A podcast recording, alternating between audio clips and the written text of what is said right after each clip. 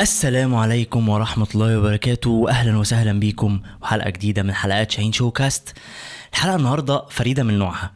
لو حضرتك بتفكر تسيب شغلانتك في شركة بتقبض فيها مرتب كويس وتروح تبقى freelancer أو يبقى عندك your own business الحلقة دي ما ينفعش تفوتوها. يلا بينا. عايز تكون ناجح تغير حياتك اسمع قصص نجاح تتعلم من أخطاء الناس. أهلا وسهلا بكم. شاهين ShowCast طيب خلينا قبل ما نبدأ آه، أقول لكم إن إحنا طبعا معانا النهارده مستر أكرم مروان. فاهلا بيك يا مستر أكرم والله. شاهينو؟ إيه الأخبار؟ عامل إيه يا مستر شاهين آه هذه الحلقة قبل ما نبدأ هذه الحلقة برعاية iCareer. والغريب في ال- في الإعلان ده إن مش أنا اللي هعمله. أكرم هو اللي هيعمله لأنه أكرم هو ال CEO بتاع iCareer وخلي بالكم هو ما بيحبش CEO دي معلومة مهمة جدا عن أكرم يعني. عشان كده دايما هتلاقوا في ال business card أو على الفيسبوك كاتب managing director وهنعرف السبب منه حالا. فاهلا بيك يا مستر أكرم؟ أخبارك إيه؟ طب إحنا ال ال يعني إحنا عاده الحلقات بتاعت شاهين ShowCast بتبدأ كده بعمق عن الشخص آه، تعريف عن الشخص. بس هو مش سؤال interview يعني مش عرف okay. نفسك. بس هو عرف نفسك برضو بالطريقة اللي انت بتحب تعرف نفسك بيها يعني. ماشي. آه أنا أكرم مروان المشكلة إن أنت يعني وأنا هقول ال introduction هتبقى حافظه. بس أحب أسمعه تاني والله العظيم. هحاول أقولها بطريقة مختلفة. أنا مهندس ميكانيكا. الجديده دي أكتر. جديدة. بداية أبدأ بداية جديدة بقى. أنا مهندس ميكانيكا. اتخرجت من هندسة المطرية. آه، وأول لما قبل ما اتخرج اشتغلت في أبو غالي Motors. آه، اشتغلت إحنا بنقول أسماء شركات عادي؟ عادي عادي. آه. عادي أكيد عادي مش عادي. مستنيين الاعلان بتاعنا. آه. فابتديت في أبو غالي Motors ابتديت sales consultant ودي كانت بداية رحلتي في تعلم ال sales اللي كانت فترة رائعة. وبعد كده اشتغلت في شركة تانية sales engineer بقى عشان هاخد الحتة اللي يعني مهندس عشان كنت لسه الموضوع حامق في نفسيتي قوي إن أنا مش مهندس دي. وبعد كده رحت اشتغلت في حاجة اسمها مركز تحديث صناعة. آه، مركز تحديث صناعة ده اللي هو ال Industrial Modernization Centre أو ال IMC ده أكبر quasi governmental organization في مصر. جهة تابعة للحكومة وتابعة كانت ساعتها الاتحاد الأوروبي. آه، أو funded يعني من ناحيتين وابتديت هناك business development advisor فشبيهة شوية بال sales بس into business development أكتر. وكانت الحلوة إن هي ثلاث شغلانات في بعض. كنت business developer وكنت في نفس الوقت account manager وكنت project manager فكنت ماسك مثلا قطاع الغزل والنسيج في العاشر من رمضان. فمجموعة مصانع مثلا 50 أو 60 مصنع من ضمنهم مثلا عرفة group ده أكبر مصدر آه، في مصر آه، للغزل والنسيج أو للملابس الجاهزة. فكنت أنا المسؤول إن أبص على إزاي ن develop المصانع دي ولما حلو. نيجي نقرر نعمل مشروع development المصنع سواء هنزود صادراته هنزود whatever هنعمل حاجة في الإنتاج whatever فالمشروع هو بيتنفذ ببقى أنا ال project manager رائع. وببقى أنا ال account manager إن الحساب ده كل علاقته بأكرم في ال IMC بعد ال IMC رحت اشتغلت في ال UN سنتين. واشتغلت في ال UNDP. ممكن نقول لهم آه ال UNDP عشان الناس آه، خلي بالك ال- ال- بتقفش مننا من ال English يعني فحاول على قد ما تقدر تحبهم يعني. حاضر لا يا فندم. فال UN اللي هي الأمم المتحدة؟ حلو. بس الأمم المتحدة عشان الناس ما تبقاش حاسة الاسم ضخم قوي كده الأمم المتحدة ليها مجموعة من الوكالات أو ال agencies. فأنا كنت في وكالة أو في ايجنسي اسمه UNDP البرنامج الإنمائي للأمم المتحدة United Nations Development Programme كنت اشتغلت في مشروعين آه، مختلفين مشروع له علاقة بمكافحة الفقر فكان مشروع ليه value. رائعه واشتغلت بعديه في مشروعات أو مشروع له علاقة بالتنمية المستدامة أو ال sustainability إن إحنا نقنع أو نحاول نقنع الشركات إنها ت adopt أو تتبنى آه، أفكار التنمية المستدامة في الشركات بتاعتهم فكان فيها networking أو علاقات آه، كبيرة جدا جدا جدا مع شركات. كنت ممكن يعني لو أنا اشتغلت موظف هناك كان عمرهم آه، ما هيقابلوني يعني كصاحب الشركة يعني. وبعدها حصلت النقلة بقى الكبيرة إن أنا الحمد لله joined Procter & Gamble P&G علشان دي الشركة اللي كنت بحلم بيها من من ساعة قبل ما أتخرج. ابتديت بقى في بي ان جي مدير مشروعات بعد كده غيرت الإنتاج بقيت مدير إنتاج بامبرز مقاس خمسة. أيوه كده هو ده أكرم اللي عارفه. آه، بس وطبعا الافيه هنا لازم نقوله إن في أي طفل عندكم في العيلة كنت بلمسه كل يوم. وبعد كده غيرت career لل HR بس مع يعني كانت special assignment كده كانت assignment صغيرة أو يعني مرحلة صغيرة جدا.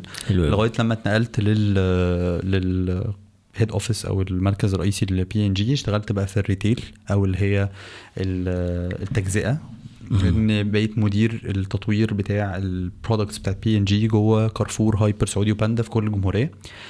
بس وبعديها قررت آه، قرار صعب جدا إني أسيب بي ان جي حبيبة قلبي وأشتغل أو اتفرغ ل iCareer بقى my company your company لوحدك؟ لا ما our own company عشان هي iCareer جماعة بتاعت مصر كلها.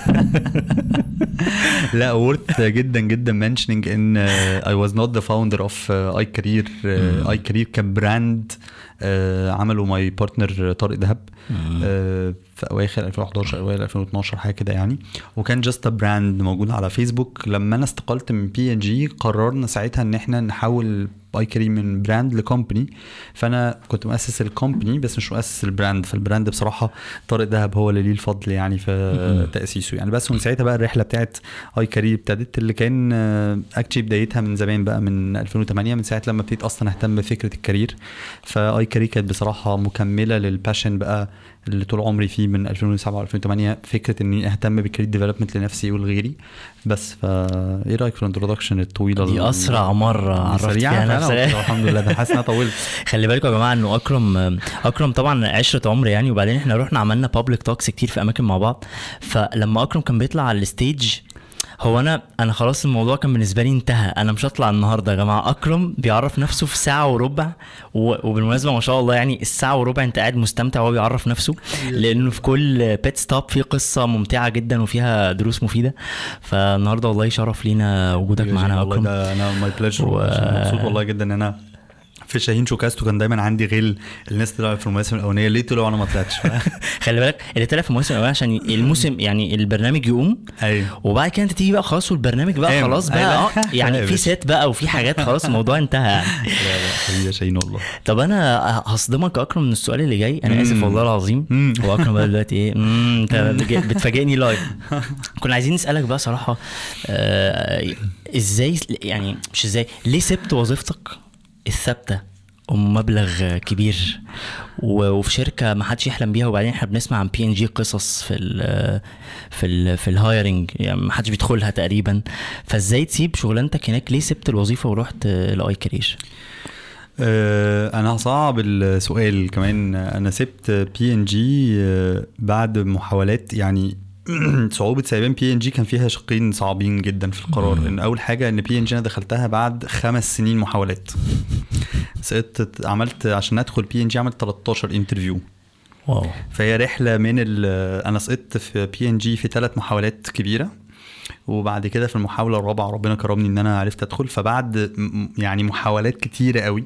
وبعد كده لما دخلت بي ان جي كان بالنسبة لي خلاص يعني أنا حلمي إني هفضل مترقي وهطلع المعاش في الشركة. والشركة آه لو طلعت على المعاش في بي ان جي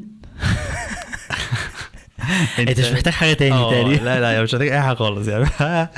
لكن ال ال فدي كانت أول challenge إن أصلا. آه، أنا بنام وبحلم و- واللي ممكن الناس ما تبقاش عارفة في القصة دي يمكن قلتها كذا مرة في on stage إن أنا كنت بجيب نوع جزمة. بجد والله العظيم نوع جزمة عشان لما أشتغل في مصنع بي ان جي تستحمل المصنع فاهم؟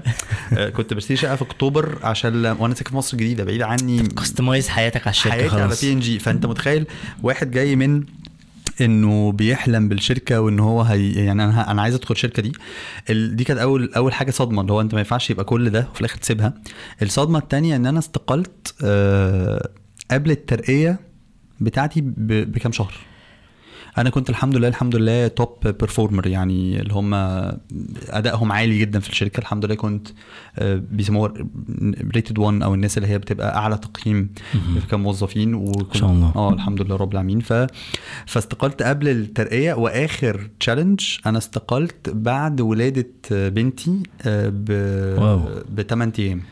دي, لا دي معلومة جديدة عليا أنا شخصيا. آه. إزاي صاحبك من زمان؟ ما أعرفش المعلومة دي. يعني أنا بنوتي الحمد لله ربنا يبارك فيها يوم شاء 20 الله. 4 أنا كان آخر يوم ليا في بي ان جي كان يوم 30 4 فإنك تبقى بعد حلم وسنين بتعافر وبعد كده آه، تبقى بتاخد مرتب كويس وخلاص هتترقى وتبقى لسه مخلف فأنت أصلا عندك التزامات Challenge تاني ده. فكل دي كانت حاجة صعبة جدا. لكن اللي سهل القرار ويمكن يعني شاهين هيبقى أستاذنا في الحتة دي ال ال ال كل ال career coaches أو أي حد لو قعدت مع حد آه، بيعمل لك إرشاد وظيفي دايما دايما بي بيتكلموا في حتة ال career values إيه القيم اللي بتأثر عليك في ال career choices بتاعتك؟ ف أنا شخص على مدار ال- السنين بتاعت شغلي كان دايما دايما حتة ال impact و... ومش influencing others لأ ال impact إنك تعمل تأثير آه، سواء على الصناعة على البلد على ال... أنا مهووس قوي بحتة ال impact ده. فلما كنت أشتغل في ال IMC مركز تحديث صناعة دوري تحديث صناعة. فأنت حاسس بإنه إيه ده إيه ده إيه ده؟ ده أنا بركب العربية أطلع العاشر من رمضان 50 كيلو سواقة علشان أنا بطور المصانع. لما رحت اشتغلت في الامم المتحده مشروعي مكافحة فقر. فأنت فأنت بتعمل حاجة of value قوي. وكان لما قررت أروح بي ان جي بي ان جي من أسباب إن أنا رحتها ال value برضو إن P&G ال slogan بتاعها lives improving life. آه بنلمس حياة الناس وبنغير فيها. فكنت حاسس إن تل... أنا تلمسوهم قوي. قوي آه آه فاهم يعني بي ان جي بتل... بتلمس. الناس قوي. بي ان جي كل يوم بتلمس خمسة خمسة مليار شخص في الكوكب. wow. يعني ودي است- يعني مقولة يعني. لا بس في حاجة كنت بتقولها كمان بمناسبة 5 مليار شخص كان الكوكب سنة كام؟ في كام آه، مليار. شخص؟ معلش الحتة دي بس ممكن معلومة هو دي النهارده. الكوكب فيه 7 مليار شخص. فإنك كل يوم تلمس 5 مليار منهم يعني yes. إيه؟ في حاجة ولا إيه؟ ف... ف... ف... فأنا كنت وأنا حتى رايح بي ان جي كنت شايف ال value دي إن أنا هبقى بعمل products بتأثر في حياة الناس. لو لو Ariel مش موجود فإحنا يعني الصابون لو مش موجود مشكلة. بامبرز لو مش موجود. دي أزمة تانية دي. دي حلقة لوحدها. فكل ده كان مخليني الشركة إزاي؟ لكن القرار برضو سبحان الله بقى مع إنه ده نفس ال values اللي خلتني نفسي أروح بي ان جي هي هي نفس ال values اللي خلتني آه، ممكن أفكر أمشي وما كنتش حاسس خالص بمشكلة. إيه هي بقى حاجتين؟ الحاجة الأولانية آه، أنا الماجستير بتاعي نسيت أقول ده في المقدمة عشان ممكن كده كده المقدمة أسرت. آه، انت انت ركزت في ان انت تأثر المقدمة؟ ده ركزت. عوضا عن ان انت تقول التفاصيل بجد. ده حقيقي ده حقيقي. فأنا كان أنا كنت عامل ماجستير في التنمية المستدامة من الجامعة الأمريكية. ال major أو التخصص بتاعي في ريادة الأعمال والابتكار. فكنت أنا دخلت الماجستير وأنا كنت في آخر سنة في الأمم المتحدة ولسه داخل بي ان جي فلما دخلت الماجستير ودرست بتاعت ريادة الأعمال أنا عمري في حياتي ما كنت متخيل إن أنا هفكر أستقيل من P&G واعمل startup دي دي دي. هو محدش بتيجي على باله أصلا من بعيد. أنا ما خالص بقى. لا وأنا بالذات أنا ميت في غرام يعني في غرام بي ان جي أنت لغاية النهارده بتقعد تزهقنا بيها يا أكرم يعني؟ والله. أنا بدات بعشقها بعشقها. ف بس جاي لابس النهارده أحمر عشان فودافون. عشان بحب فودافون آه. يعني. بحب بس الشركة. أنا في أربع شركات بحبهم جدا. بنقول لها أسماء الشركات عشان الناس ما تفتكرش انها آه، إعلان. بي. ان جي فودافون ومارس و- وديل. دول أكبر. أربع شركات بالنسبة لي. بس ف فلما دخلت ال master's آه، ففكره رياده الأعمال ابتدت تنور قوي. بس حتة في في حتتين فرقوا معايا جدا في في القرار. أول حتة إن إنك على قد ما تقدر you to start young تبدأ بدري. تبدأ. بدري مش عشان حاجة إلا عشان أنت هتفشل. يعني دي المعلومة. فالحق أخلص بسرعة بقى. فالحق أفشل بدري عشان وأنت صغير قادر تاخد القلم وتقف. صح. فكان بالنسبة لي ده مهم جدا في القرار إنه لو ما خدتوش دلوقتي واستنيت وترقيت القرار هيبقى أصعب بكتير. فأنا قصدت آخده قبل الترقية وقبل لما بنتي تكبر فالمسؤوليات تزيد وتخش في حضانة ومدرسة و مش هيتاخد بقى خلاص. القرار مش هيتاخد. فدي كانت أول حاجة. الحاجة التانية وده في الكتب يعني آه إنه كتير من الانتربرينورز أو رواد الأعمال اللي نجحوا مر بتجربة إنه يعرف أو عرف يبيع حاجة. فإنك تبقى عارف تبيع حاجة بتساعدك جدا جدا إنك تعمل your own business فأنا كنت حاسس إنه it's skill عندي وحاجة أنا جربتها و... يا جماعة يا جماعة والله أنا أنا أنا أكرم الحلقة النهارده خطيرة والله. إن هو هو أكرم كل ما بيحكي عن حاجة أنا إحنا اشتغلنا أكرم حبة حلوين كان شرف ليا يعني. فأكرم هو مش. بيبيع. هو بجد يعني اقسم بالله أنا ما شفتش حد في حياتي عنده مهارة البيع زي أكرم فأنا هسيبك. تكمل عشان أنا لو قعدت أقول. حاجات عنك الناس هتفتكرني بجامد يعني. والله بس. فحسيت إنه لا يعني أنا أنا أول مرة في حياتي آه، ودي أول مرة أقولها لشاهين شوكاست آه، أبيع واحط مش هبيع بقى أحط business plan ب feasibility study ثالثه ابتدائي عفوا. ثالثه ابتدائي. ثالثه ابتدائي أنا في الكراسة بورقة وقلم بأرقام. أنا هشتري آه، السكر منين الزيت منين وال frequency بتاع آه، إن والدتي بتطلب الحاجات دي من إن البواب بيجيبهم قد إيه فأنا هجيب وأخزن إزاي.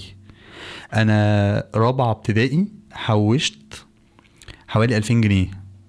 نعم آه رابعه ابتدائي ده من قرن يعني لا يعني آه رقم. وأنا كان كان مصروفي في اليوم جنيه فمن جنيه تحوش 2000 جنيه ما, مش 2000 مش- يوم آه. ما كانوش في 2000 يوم آه. ف وكان ساعتها متأثر جدا جدا بان أنا عايش في جلباب أبي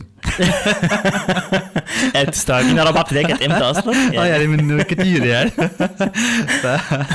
وكان عندي بؤجه يعني هو كان عبد الغفور البرعي كان عنده بؤجه بيحط فيها الفلوس أنا كان في بؤجه كده كانت في جزمه شيك اخويا كان جايبها كانت في جوه البؤجه دي فانا خدت البؤجه بديله بحط فيها الفلوس فاهم وكنت عايش الدور قوي بصراحه ف...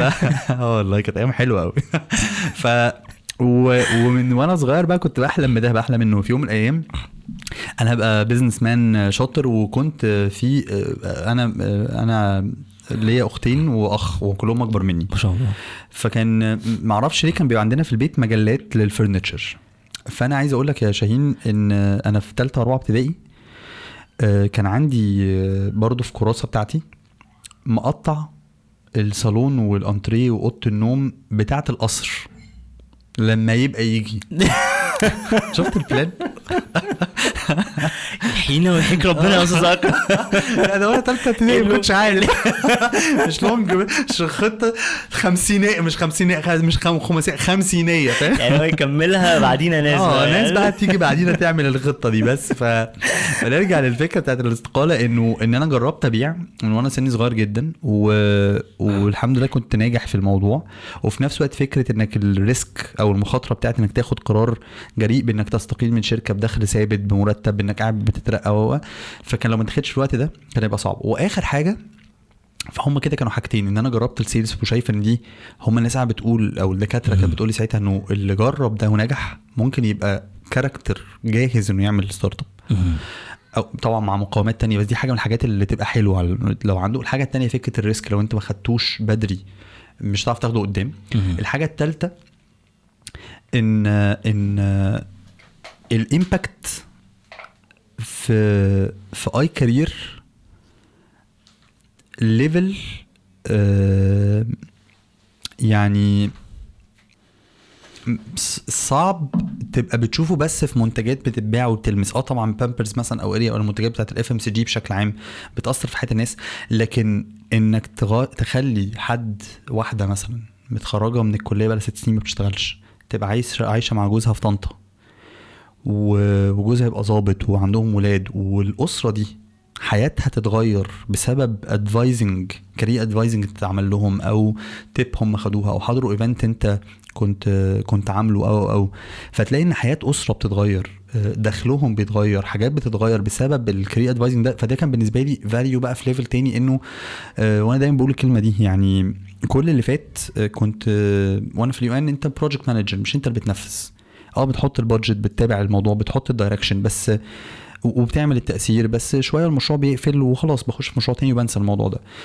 آه، في بي ان جي بتعمل منتج وبيأثر في حياه الناس لكن ال- اللي بيحصل في اي كارير إنك أنت مش بس بتلمس في حياة الناس أنت أنت بتغير في في حاجتين وحاجتين دول خطيرين جدا. فبتغير في في العلم وبتغير في الدخل والاتنين دول عكسهم إيه؟ عكسهم الجهل والفقر. والاتنين دول يا إما يخلي الناس تبوظ تنحرف آه، تبقى إرهاب تبقى تبقى بتغير في ثقافة. فأنت الجهل والفقر بتعالجهم بعلم وت- وتزود الدخل أو تبقى في عمل. فأنت صحيح. فبالنسبة لي كانت ال value behind iCareer أكبر بكتير. يعني آه لأن أنت بتغير في حياتهم. أنت مش بس مش مش بتلمس حياتهم. أنت بتغير في حياتهم. فدي كان بالنسبة لي value كبيرة اللي هو لو أنا مت هبقى شايف إنه زي ما دايما كده الآية اللي بحب دايما الناس تبقى اقولها إنه ربنا سبحانه وتعالى كان بيقول كده فأما الزبد فيذهب جو... فيذهب جفاء. الزبد اللي هو الريم بتاع المية البحر لما بيجي على الشط فيذهب جفاء بيروح. فالريم بيجي يتشفط في الرمل ويروح. وأما ما ينفع الناس فيمكث في الأرض فالحاجة اللي هتنفع الناس هتفضل مكملة. فأنت عارف طبعا إن إحنا مش مقصرين إحنا يعني إحنا رايحين في داهية يعني لكن آه، النفع ده لعله سبحانه وتعالى يعني يعني ربنا ي... يكفر شوية من الحاجات اللي إحنا بنعملها. يعني أكرم أحس إن إحنا بقى رحنا ال iCareer وال value فأنا فأنا في أول حلقة قلت إن هذه الحلقة برعاية iCareer وأنت اللي هتعمل إعلان. فإحنا عايزين دلوقتي بجد نعرف الناس ب iCareer ونقول لهم iCareer بتعمل إيه؟ اللي اكرم ساب عشانها بي ان جي طيب يعني iCareer من اسمها هي شركة career development. نقولها بمصطلح تاني آه، شركة بتسعى للتحسين ال employability للأفراد. يعني إيه employability؟ يعني قدرة الشخص إنه يختار الوظيفة يبقى مؤهل للوظيفة اللي هو اختارها ويعرف يرتقي في الوظيفة اللي هو اختارها. دي دي معنى مبسط لكلمه employability. بنقولها بطريقة ثالثه education for employment يعني تعليم أو تدريب من أجل التوظيف. حلو فدي الشركة iCareer بتعمل كده. كانت mainly بنشتغل مع الجامعات إن إحنا نروح نحط career curriculum مناهج تساعد في الإرشاد الوظيفي.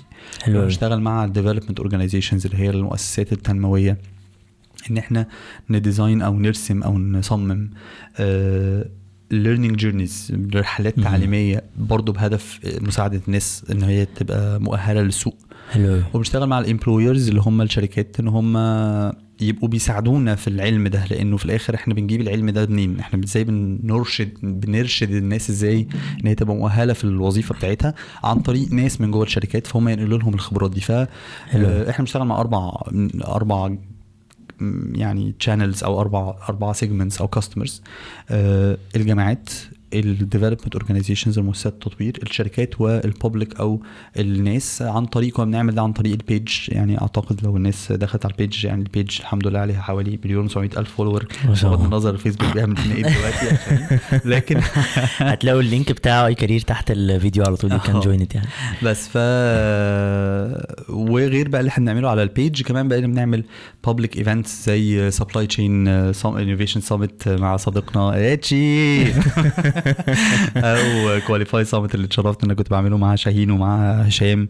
تشرف لينا يا أخي حبيبي والله. شاهين والله. بس فدي الحاجات اللي iCareer بشكل عام بتعملها. فإحنا شركة متخصصة إن لو حضرتك مش عارف تختار ال career بتاعك تجي لنا لو حضرتك عارف ال career بس عايز ت get qualified عليه تجي لنا. لو انت مش عارف إزاي ت apply آه على شركة معينة تجي لنا. ف choose prepare apply وطبعا وحتى لو مش عارف آه، انت محتاج إيه برضو تروح ل iCareer. يعني أنا شخصيا تشرفت إن أنا اشتغلت مع آه، مستر أكرم يعني الخمس شهور اللي فاتوا آه، وكنا بنشتغل عشان نحضر ل Qualify Summit يعني. طبعا غير الحاجات الكتيره اللي أنا اتعلمتها والله من أكرم و...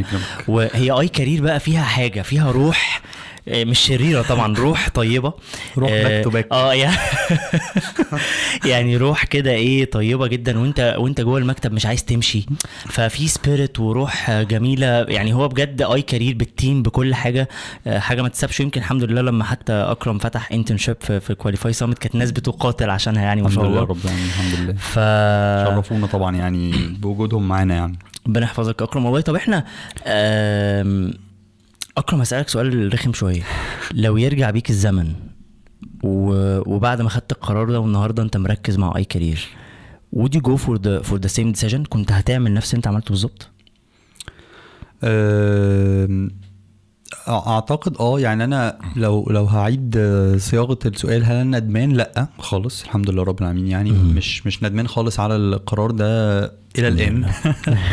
وما أعتقدش إن أنا يعني هيحصل أي حاجة ممكن تخليني أبقى ندمان. لكن آه، لو رجع بيا الزمن كنت ممكن آخد actions مختلفة. بس أنت برضو غالبا ما كنتش هاخدها لأن ما كنتش هيبقى عندي نفس التجارب اللي مريت بيها دلوقتي. فلو رجع بيا الزمن كنت هاخد نفس القرار آه آه، لأن آه، برضو ممكن تكون معلومة ما- ما وضحتهاش قوي. وأنا بستقيل. كنت بستقيل علشان إحنا هنأسس iCareer كشركة. بس كان عندنا already revenue واضح. فكان برضو ال risk فكان في ربح بيجي من اي كان في ربح. آه كان في دخل بيجي بلاش. آه كان في دخل بيجي من iCareer كان ممكن. يخليني أعرف survive لكن كان مع iCareer وأنا بعمل ده يعني iCareer كنت بالنسبة لي مش بخ مش بستقيل عشان بعمل startup لأنه أنا بقول انه iCareer by by definition so far ما نقدرش نعتبرها startup آه، طيب أنا بس هقول حاجة. هو أكرم الجملة اللي فاتت قال إنه كان في فلوس بتيجي من iCareer وتخليه يقدر ي survive يعني ينجو. حلو Yes. خلي بالك أكرم في حاجة بقى العربي لأنه مين بيتفرج على الحلقات أيوه الشباب اللي هم في منهم الإنجليش بتاعه قوي جدا وفي العربي. بتاعه ضعيف وبالمناسبة والدتي ووالدي ربنا يبارك في عمرهم بيجيبوا. شاي بلبن ويجوا يقعدوا. يتفرجوا على الحلقة في التلفزيون يوم البتاع فيعني إيه. ف... يعني هيتشرفونا ويتفرجوا علينا لا المشكلة إن هم هيسألونا أنا إيه الجملة اللي رديها رقم إيه مش؟ عارف أنا إيه والله. بحاول بحاول والله على طول لا سامحوني يا جماعة والله لو أنا قلت حاجة بالغلط ده عادة بيحصل مننا كلنا لا، هتقعد. تترجم لي كمان دقيقتين اصبر بس زي الفل آه، ف iCareer كانت بتجيب already دخل آه فإحنا وإحنا بنأسس كنا already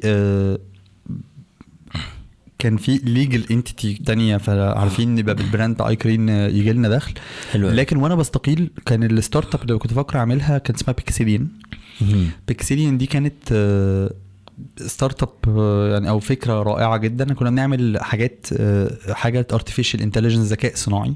بنعرف ن detect أو نكتشف عن طريق الصور. عن طريق الصور. نقدر نكتشف عن طريق الصور آه، نطلع بيانات عن المحلات وبيانات عن ال products اللي على المحلات وكانت فكرة آه. حلوة جدا جدا وكنا بنكسب بيها مسابقات في مصر وبره مصر. وقدر ربنا يعني لظروف ما it didn't went well يعني ما مشيتش بالشكل اللي إحنا كنا طامحين فيه طامحين ليه. حلو فوقفت بعد سنة من استقالتي. آه، بعد سنة من الاستقالة. بعد سنة من الاستقالة. سنة أو okay. سنة و... آه سنه آه سنة سنة وكام شهر. حلو وقفت خالص. وكان في الوقت ده كنا ممكن نحاول نقومها تاني. وساعتها iCareer كانت بتسحبني بقى اللي هو لا. يعني إيه؟ أنت مش هت... مش هتروح ل... مش هتروح لحد غيري. فأنت معانا. فمن هنا بقى كانت ابتدت إنه لا أنا هركز في iCareer لأن كان ساعتها عارف صاحب بالين كداب أنا مش عارف أدي وقت البكسلين قوي لأن مركز مع iCareer ولو قصرت في iCareer عشان ركزت في بكسلين فهبقى بقصر في iCareer. ف... فسبحان الله ترتيب ربنا. وأنا الحمد لله يعني عشان كده لما تقول لي رأيك بالقرار آه، تاخده تاني فكنت بقول لك لو لو بنسأل عن ندم فالحمد لله رب العالمين I never regret يعني any choices ممكن أبقى regret إن رحت ميعاد متأخر أبقى regret ان إن حد زعل مني لكن بتندم يا أكرم متأخر على حد بندم قوي أه بندم بس ما بعرفش أعمل إيه يعني؟ بحاول أجيب لهم ماكدونالدز بحاول أعوض ده بأي حاجة تانية بس بس actually ما بندمش يعني ببقى زعلان بس ما بندمش يعني okay. لأن الموضوع في الآخر أعتقد إن. الناس أه لا لا. لا يعني الحمد لله الحمد لله يعني أنا غالبا لما بتأخر بتأخر على اللي بحبهم بيحبوني ده بجد على صح صح. لكن لو حد غريب مش هتأخر عليه. يعني مش مش هسمح ولو اتأخرت هتبقى 10 دقايق ربع ساعة.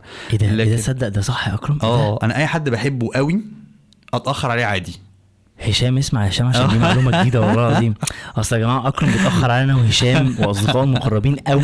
حقيقي. أنا بس عايز أقول لكم قوي دي معناها قوي دي equals إن أنا مستني أكرم في الاستوديو من 6 الصبح والست موجودة والنهاردة لا، لا، الساعة أنا قلت- 7 أنا قلت بالليل لك هاجي فا- الساعة 10 ده 11. قوي ف لا ده أنا مستنيني من امبارح ده أنا نسيت أقول ده دي.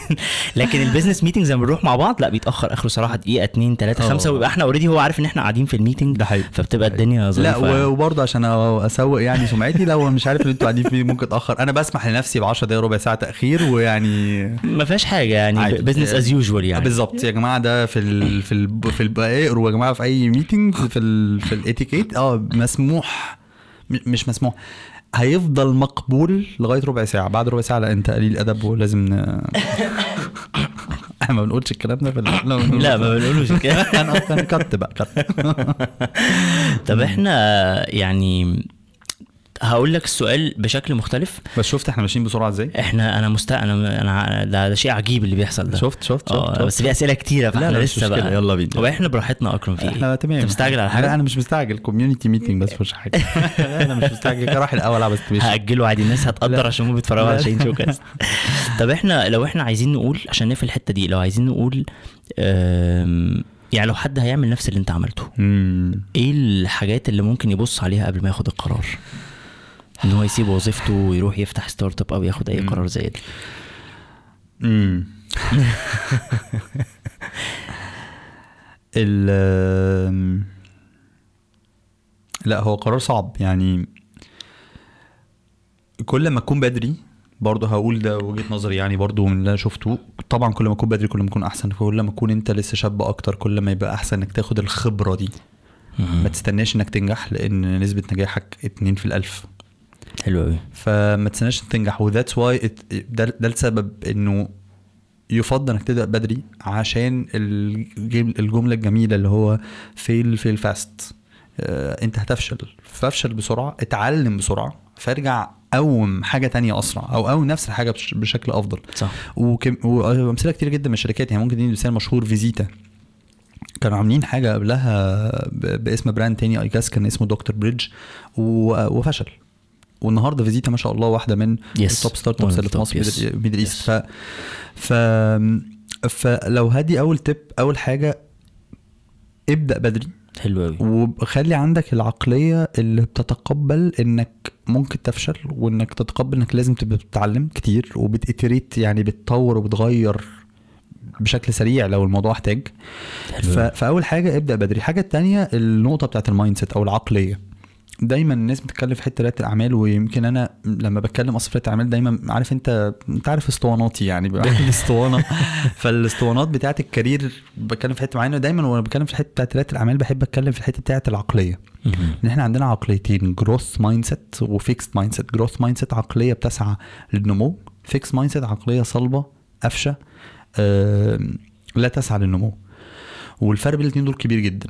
من ضمن أكتر الأمثلة اللي بتبقى واضحة جدا فكرة ال إن المهارة دي حاجة مكتسبة. فلما بيكون عندك growth mindset بتبقى دايما شغال على تطوير مهاراتك. حلو قوي و... و... وإنك تتعلم من أي حد وإنك تتعلم ان إن شاهين النهارده يجي يقول إنه في الفترة دي اتعلم من أكرم تواضع من شاهين وفي نفس الوقت إن شاهين نفسه عنده استعداد يتقبل أو يتعلم من حتى لو حد أصغر منه حتى لو حد أقل منه في العلم. لأنه إحنا محتاجين كلنا نتعلم. فال growth mindset بيفكر دايما في كده إن أنت لازم عامل حسابك إنك هتاخد القلم وتقف تاني. صح. و... وتتعلم وتتعلم من القلم هو جالي من أنهي اتجاه عشان صح. يعني أعرف. فالفكرة دي أول حاجة أول حاجة خد ال risk بدري. الحاجة التانية اشتغل جدا على العقلية. أهم من أي حاجة أهم من ال product دايما بيقول الكلمة دي ideas are cheap. الأفكار رخيصة, رخيصة. ومتوفرة ولازم تبقى كئيب كده وانت بتقولها فكرتك رخيصة ولازم المصريين. رخيصة. رخيصة. فرخيصة ومتوفره الفكرة بتاعتك مش هي الحاجة مش هي الحوار مش مهمة. application بقى تطبيق. بالظبط. تنفيذ الفكرة وتحويلها من فكرة لحاجة بتتنفذ هو ده هو ده هو ده القصة. فالتنفيذ ده عنصر أساسي في الفرق فيه العقلية بتاعة رائد الأعمال نفسه وبتاعة ال team بتاعه. أو أو ال partners بتوعه. الشركاء بتوعه بيعملوا إيه مع بعض. فدي تاني تاني نصيحة. التالت نصيحة آه مربوطة بال mindset أو بالعقلية ليها علاقة بال resilience resilience إنك شرحها الاقرب حاجة كلمة الاقرب لها بعربي مش بس المرونة هي إنك عارف تاخد القلم وتقف تاني. أكتر مثال الناس ممكن تشوف فيه كلمة resilience محمد صلاح في ماتش آه، مصر والكونغو تقريبا لما جه الجول في آخر دقيقتين وقام واقع على الأرض منهار وهيعيط وبيدبدب على الأرض وفي وقت قليل جدا قام رجع واقف تاني وبيش بي بيسقف للعيبة ويلا ونسخن وهو بيقول للجمهور اسخنوا ال... دي اسمها resilience. أنا مش عارف أقولها إزاي بالعربي بس صح. معناها كده معناها إنه انت بتاخد القلم وتقوم بسرعة جدا. بسرعة. yes و و و و وكل يعني بجد أنا ممكن أقول أمثلة على شهيد ممكن أقول أمثلة عليا ممكن أقول أمثلة على هشام ممكن أقول أمثلة على ناس كتيرة جدا في ال market في السوق. كان عنده أمثلة لدي إنه بياخد القلم والقلم يفوقه. القلم مش آه، يوقعه القلم مش يهديه القلم مش ي...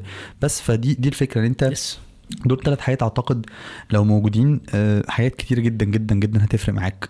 خد الموضوع بدري على قد ما تقدر مش عشان حاجة أكتر من أنت تبقى جاهز للفشل فتجرب مرة واثنين وثلاثه اشتغل جدا على العقلية بتاعتك يبقى عندك growth mindset أو عقلية بتسعى للنمو. تالت حاجة فكرة ال resilience إن أنت تبني الصلابة مع المرونة فكرة إنك تاخد القلم وتعرف تقف تقف. الثلاث حاجات دول آه، مهمين جدا. وبصراحة في حتة كمان آه، يعني خطيرة برضو آه، وأكرم دايما يعني كان بيقول لنا عليها. فكرة إن أنت تروح ل coach قبل ما تاخد الخطوة دي. يعني دي واحدة النهارده من ال shortcuts أو من الطرق القصيرة لإن أنت تروح تعمل حاجة زي دي.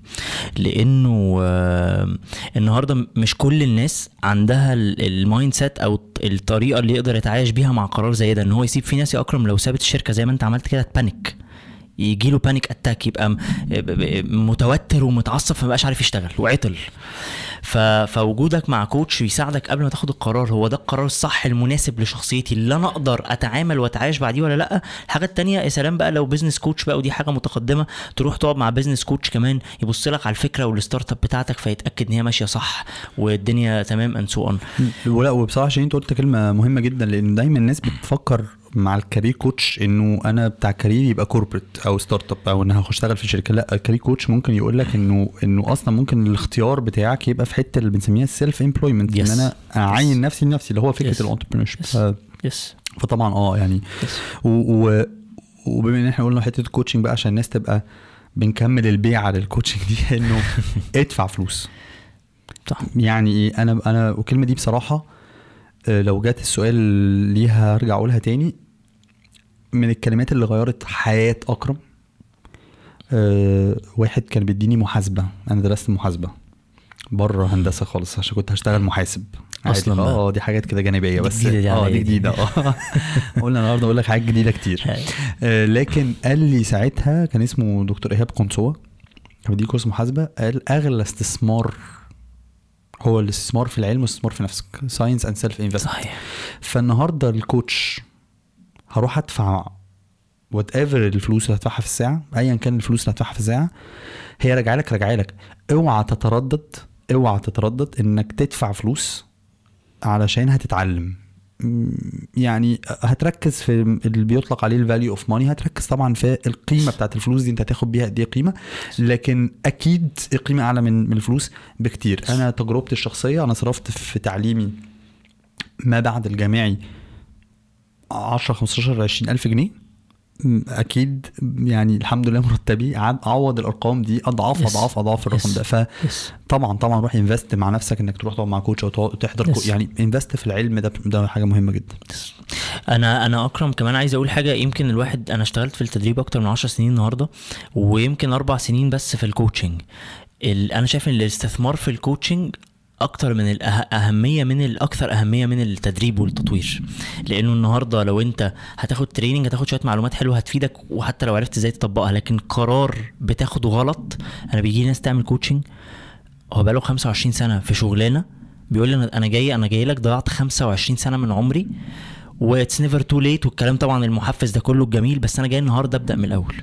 فماذا لو انت عملت ال coaching session دي من وانت لسه متخرج أو انت آه، طالب جامعة أو whatever يعني فلا coaching is is. one of the best الحقيقة وميزته personalization يعني انت Yes. واخده حاجة مشخصة أو بتاعك انت. متوصفة عليك فطبعا Yes. حاجة كويسة طب أكرم بحيث إن أنت اتكلمت عن التأثير أنا أنا دايما الصراحة بحب أسأل عن عن حاجة ليها علاقة بالأهل. فأنت أهلك كان يعني برضو أنت عارف لما أنت قلت لي أنا سبت بي ان جي وبتاع أنا كنت عمال أفكر طب أهلك طب زوجتك طب فعايز عايزك تحكي لي عن تأثير أهلك في في أكرم. حلو السؤال. آه، أنت ذكرت بس حتة ليها علاقة بي ان جي فهقول لك الحتة الأصغر وبعد كده أرجعك لحتة ليها علاقة بالتأسيس. أنا الحمد لله الحمد لله الحمد لله الحمد لله. يعني زوجتي آه، يعني كانت داعمة بشكل بشكل مش سهل لأن آه، قرار إنك تستقيل و, و... أيوه طب إيه؟ هنعمل إيه بقى؟ آه يعني انا عندنا عيلين بقى فحضرتك بامبرز كتير آه، قوي عندنا. هنعمل إيه بقى؟ وأنا كنت طبعا قبل ما آخد قرار كنت بخزن بامبرز كتير طبعا. كنت بشتري كتير من الشركة أرخص عشان أخزن بدري. لكن لكن الحمد لله يعني زوجتي الحمد لله كانت داعمة جدا جدا جدا وكانت داعمة. يعني أنت أنت كمان في Qualify Summit يعني حضرنا مع بعض. إحنا كل طبعا زوجاتنا في ال Qualify Summit هشام مش متزوج يعني whoever مع هشام. ايا كان الناس اللي مع هشام سواء كانت الأهل أو الأصدقاء. كلهم شافوا إنه كلهم كانوا داعمين يعني الزوجة عندك والزوجة عندي كانوا داعمين إنه فكرة إنك بتسهر وبتطبق وما بترجعش البيت وما بتجيش أصلا ما بتجيش ده أنت مين؟ بعيد عن اللي حصل آخر أسبوع خالص وأسبوعين هم لا، خلاص. بينهاروا بس يعني تمام يعني. فلا هم بصراحة يعني زوجتي كانت داعمة جدا. لكن آه، تأثير الأهل أنا وحتة برضه بي ان جي كانت مامتي أو يعني والدتي كانت دايما عندها ربنا يبارك فيها. آه، هنسى يعني كان بالنسبة لها سيبك من ال career path وسيبك من اللي هو التطور الوظيفي والكلام ده كله.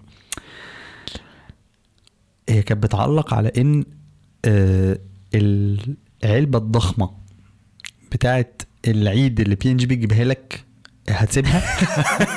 بس ده اللي هايلها من يعني جوه. فاهم اللي هو؟ لا يعني في هي حاسة إنه في حاجات benefits سيب المرتب. yes أنت عارف فيها معناه إيه اللي هو طب انت خلاص ماشي انت هتستقيل وتقول انه احتمال إن الشركة دي لما تكبر تجيب لك فلوس شبه اللي انت كنت تاخده. ف- فتمام مش مشكلة. فين؟ ال benefits طب والله بتفكر strategically صح طبعا, طبعا. والله. التفكير كان بالنسبة لها هي من أبسط حاجة هي شايفة إنه أنت بتجيب حاجات في البيت عندك وبيجي لك هدايا وبيجي لك حاجات vouchers من كارفور بقى اللي هي الكروت بتاعت كارفور. بيجي لك شوية حاجات كده. كفاية البامبرز اكرم كفاية كل. حاجة كل حاجة كانت كفاية بصراحة. فكانت بتقعد تقول لي الكلام ده. لكن كان برضو اللي هو الحتة اللي كنت هقولها أبدأ بوالدتي في البي ان جي أو من قبلها. فكرة ال- الثقة في قراراتك.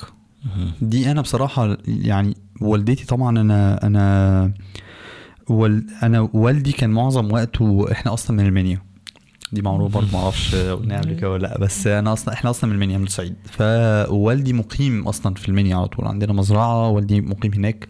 ف ف وكان في فترة سنتين أنا رحت شخصيا عشت في المنيا ودخلت مدرسة المنيا التجريبية لغات ويعني كنت حاجة عراجة هناك يعني ف ففي وقت كبير جدا جدا جدا من تربيتي ومدرستي وهو كان إن والدتي هي المهتمية بكل حاجة ف ال... النظرة من من من سن بتاع ثانوية عامة اللي من والدتي ليا. النظرة ثقة إنه مش قصة أنا وراك في ظهرك بس أنا قصة إن أنا بقيت واثقة في قراراتك فنظرة الثقة حلو جدا. بتملى عندك آه، تأييد وبتملى عندك ثقة في نفسك تاني وبتملى عندك ان إنه لأ يعني هو ما ينفعش أفشل ما بقاش في اوبشن بالظبط بالظبط. إنه فأنا بصراحة من أكتر الحاجات اللي أنا يمكن حتى ما قلتهاش خالص لوالدتي الحتة دي ان إن نظرتها بتاعة الثقة كانت بت- بتشبعني وبت- وبتغذي الثقة بتاعتي إن أنا أكمل وإن أنت ما قلتلهاش ده قبل ما كده قلتلهاش كده. فهي تتفرج على الحلقة وتشوف الحتة دي. لا. بتفعل الجرس لا لا لا تتفرج على الحتة دي تعمل بس. بتفعل الجرس مش لينا. مشكله مامتي بتتفرج على يوتيوب كتير فخلص الباقه ربنا آه،. ربنا يخليك. بس. فوالدتي كانت حتة الثقة دي كانت مهمة جدا. ال آه... والدي من الحاجات اللي الناس بقى ما تعرفهاش خالص بقى. آه، أنا والدي قائم مقام العمدة. إحنا ال- ال- العمدة جدي كان العمدة وبعد كده خالي بقى العمدة. جدي بابا. بابايا كان عمدة. وبعد كده خالي بقى العمدة. وبعد كده بابايا النهارده بقى قائم مقام آه، العمدة. فمن قبل الحتة دي وهو يعني من ساعة لما أنا وعيت زي ما بيقولوا وعيت على الدنيا آه، والدي كان معطاء قوي قوي يعني آه، ممكن يبقى في مشكلة في البيت أو خناقة تحصل في البيت إن والدي يسلف واحد ما يعرفوش خمسين ألف جنيه.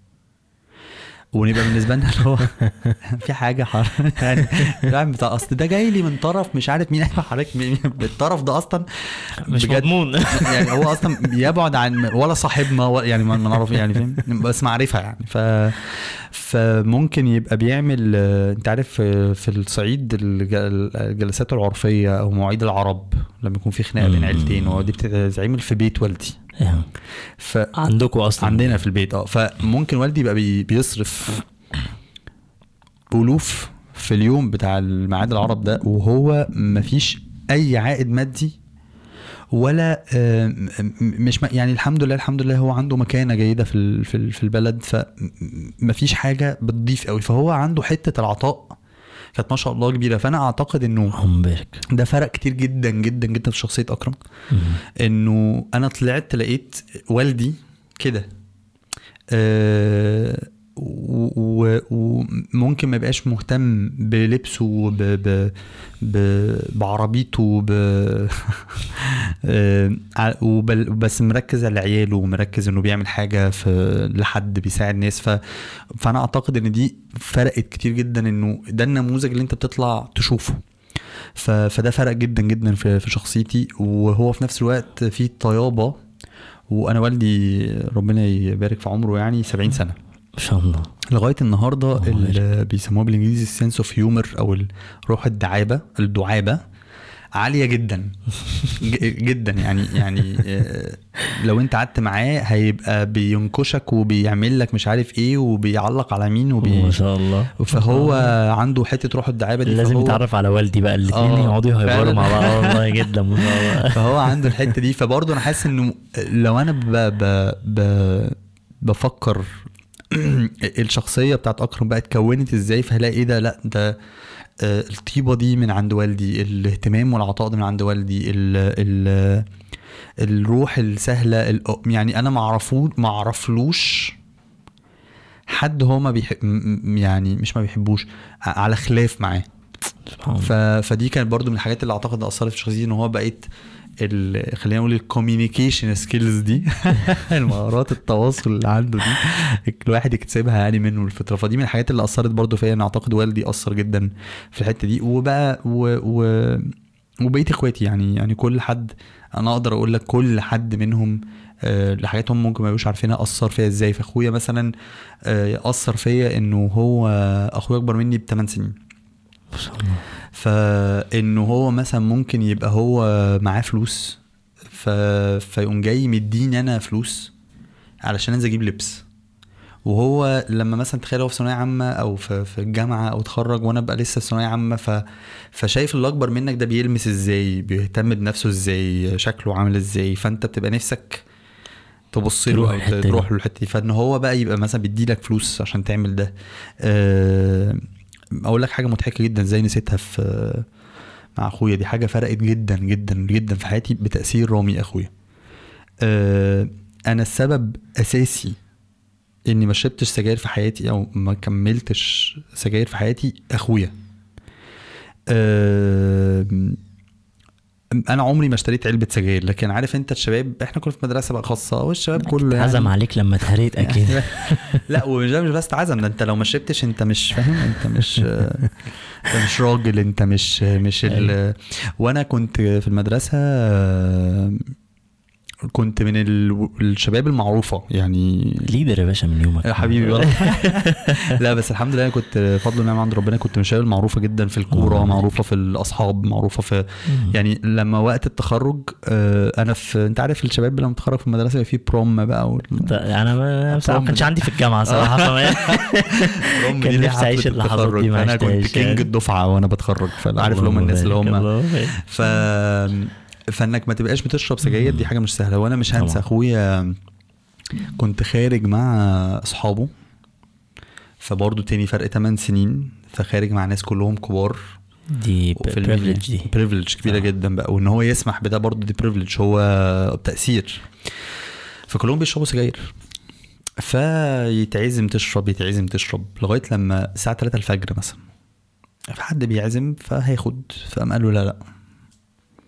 فأنا تقديرا لأخويا ما هو شايفني طول اليوم عادي أهو. فقال كده فاحتراما ليه خلاص ما. خدش. فأنا مش ناسي المقولة دي. الكلام ده كنت ساعتها أنا في أولى ثانوي أو ثالثه إعدادي. أولى ثانوي غالبا. فمروحين. فركبت معاه في عربيته فقام قال لي الكلام ده بقى. قال لي إيه بقى؟ قال لي بص أنا مش هقعد أقول لك دروس قبل نظيرة.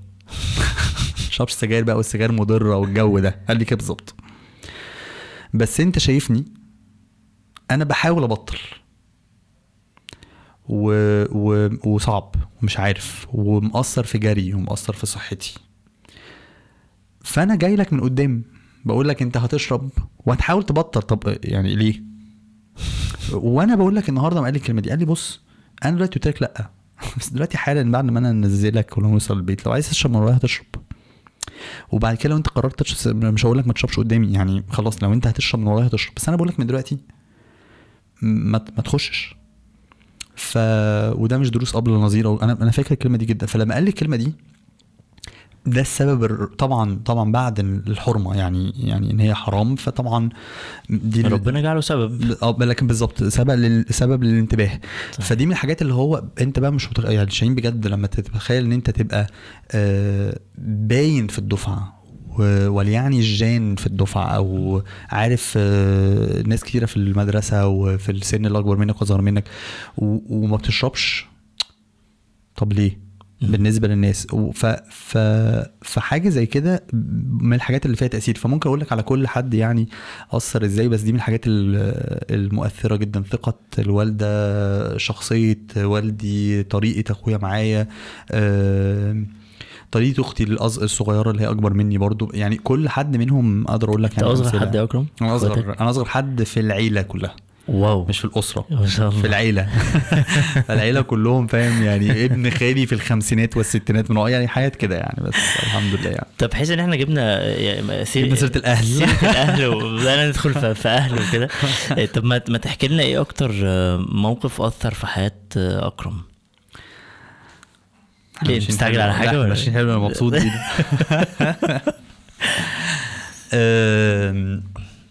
أنا أقول لك أول آه، حاجة أثرت في حياة أكرم جدا وكانت ليها علاقة بالأهل. في تالتة إعدادي. إحنا رجعنا ورا قوي قوي قوي القعدة صغرت قوي قوي في تالتة إعدادي آه، واحد صاحبي طلع آه، فاتية. إن أكرم آه، الترم الأول في تالتة إعدادي إن أكرم أول الدفعة. وطبعا أول الدفعة دي يعني هو أنا مش مش من الأوائل هو أنا مش مش ما جيتش. مش في ال average مش في ال average يعني مش في ما مش جيتش في, مش. المتوسط أصلا. فهو قال الفاتية وبهزار وهو بيقول لي أنا إيه بقى وهنغيظ أول الدفعة ده يعني يلا بينا يا باشا يعني إحنا تمام أول الدفعة طبعا ثقة في النجاح ف ف وعارف ال اللي كده بالكدبه وصدقها اللي هو يعني طب هو مش ممكن بقى ولا إيه؟ على فكرة جاوبت في العربي كويس وجاوبت في الماث كويس فاهم؟ فتبدأ بعد أسبوعين والنتيجة اتأخرت فعشت أسبوع كده 10 أيام كده عايش في وهم إن أنا أول دفعة فعلا. ولدرجة إن أول دفعة ابتدى يكلمني معايا باحترام فاهم؟ احتمال تكون أول دفعة ولا إيه فاهم؟ لغاية لما في مرة مش ناسي خالص الموقف ده آه، كان مدرس كان اسمه أبو شادي. فمش عارف الكلمة اتقالت قدامه أو حاجة في الدرس وكان بيدي عربي. فقام قال كده بالظبط. قال أكرم إيه اللي أول الدفعه أنا في الكنترول. ف- فاهم معناه يعني اللي هو أكرم ده- بتاع تانية تاني آه فاهم لو أنت يعني أنت لو يعني لو لو يعني ما جبت 80% هتبقى يعني من كتر الإنكار أنا ما كنتش متخيل. فمش عارف إيه اللي حصل إن والدي راح يتشيك النتيجة. هو مش مصدق هو كمان. آه يعني يتأكد من من النتيجة لأنه بالنسبة له الرقم أنا بقول لا لا إيه إيه الهبل ده؟ إزاي رقم وحش جدا كده وايه أهو. الفرق اللي أنت عملته ده؟ أنت أنت مش سامع؟ لا سامع. آه بس بقى أحسن يعني ولا اوحش؟ آه. ال connector عايز يتغير بس ماشي. okay. فالمهم آه، راح. ورجع. أول لما دخل أنا مش هنسى برضه دلوقتي كنت تالتة إعدادي. داخل بكيس الجمبري. كيس جمبري. آه غدا للبيت okay. ومكت... وشه باين عليه إنه مكتئب. وإن النتيجة اللي اتقالت دي صح. النتائج وحشة وحشة وحشة وحشة ما عدا مثلا إيه نتيجة الرياضة مثلا. أنا آسف. نتيجة الماث مثلا جايب 29 ونص من 30 وبندور النص ده بقى راح. أصلا بقى. لا لا. بس آه، بس الألم ساعتها كان إنه النظرة ده بقى فاكر أنا كنت بقول لك كان في نظرة ثقة مع الوالدة دي كانت قبل نظرة الثقة. خالص نظرة الثقة بدأت بعد كده. بعد كده. ده إعدادي يا جماعة مش حاجة. فكان ساعتها الم إن هو أنا أنا بقيت آه، فاشل في عيون والدي ووالدتي. في أولى ثانوي للناس اللي من زمان بقى كان تانية تالت إحنا كنا ثانوية عامة كانت تانية وتالت ثانوي اللي هي التقدير ده أو المجموع ده تانية وتالت ثانوي. في أولى ثانوي عارف دايما السنة بتاعت الراحة دي. آه، اللي حصل إن أنا الترم التاني في تالتة إعدادي من بعد الألم اللي خدته ده جبت أجندة وعملت جدول مذاكرة وكان أول مرة في حياتي أحط plan مذاكرة. حطيت قبل كده plan في تالتة ورابعة ابتدائي وخمسة ابتدائي plan آه business ده كان في حياتي أحط plan مذاكره الترم ده جبت مجموع كويس جدا في المواد بس الأهم بقى لما دخلت أولى ثانوي وفي سنة راحة فقمت منتخ. فلما انتخت الترم الأولاني والنتيجة بتاعته طلعت آه برضو الشعور تاني إنه انت بقى انت بقى الشاب البايظ يعني انت هتبقى الشخص اللي هو مش ناجح. فكان اللي تاني مرة في أولى ثانوي دي ما كانتش ألم لكن فكرني بموضوع تالتة إعدادي فقمت واخد قرار إني هبقى كويس. في المذاكرة. في الترم التاني ده الناس عادة يا شاهين بتحب يا الجغرافي يا الأدبي يا العلمي. ولما تخش علمي بتحب ال chemistry وال biology ما بتحبش الرياضة وال- يعني بوضوح. آه أنا قفلت في ثانوي في أولى ثانوي الترم التاني سبع مواد جغرافيا وتاريخ الجبر و geometry جبر وهندسة. chemistry و physics و biology انت عايز إيه بقى؟ سبعة من ثمانية في الفلسفة. فدي كانت بقى شاهين لما تقول إيه اللحظات الفارقة. دي كانت لحظة زرعت هنا إنك لو عايز تنجح هتنجح. لو عايز تبقى مميز هتبقى مميز. تانية ثانوي بقى الأول على الدفعة. شاء من. الشخص وأول وتانية ثانوي دي أنا كنت بلعب كورة وبخرج وبقول لك أنا في ثانوية عامة كنت الكينج. أنت شاب شاب ده؟ عادي.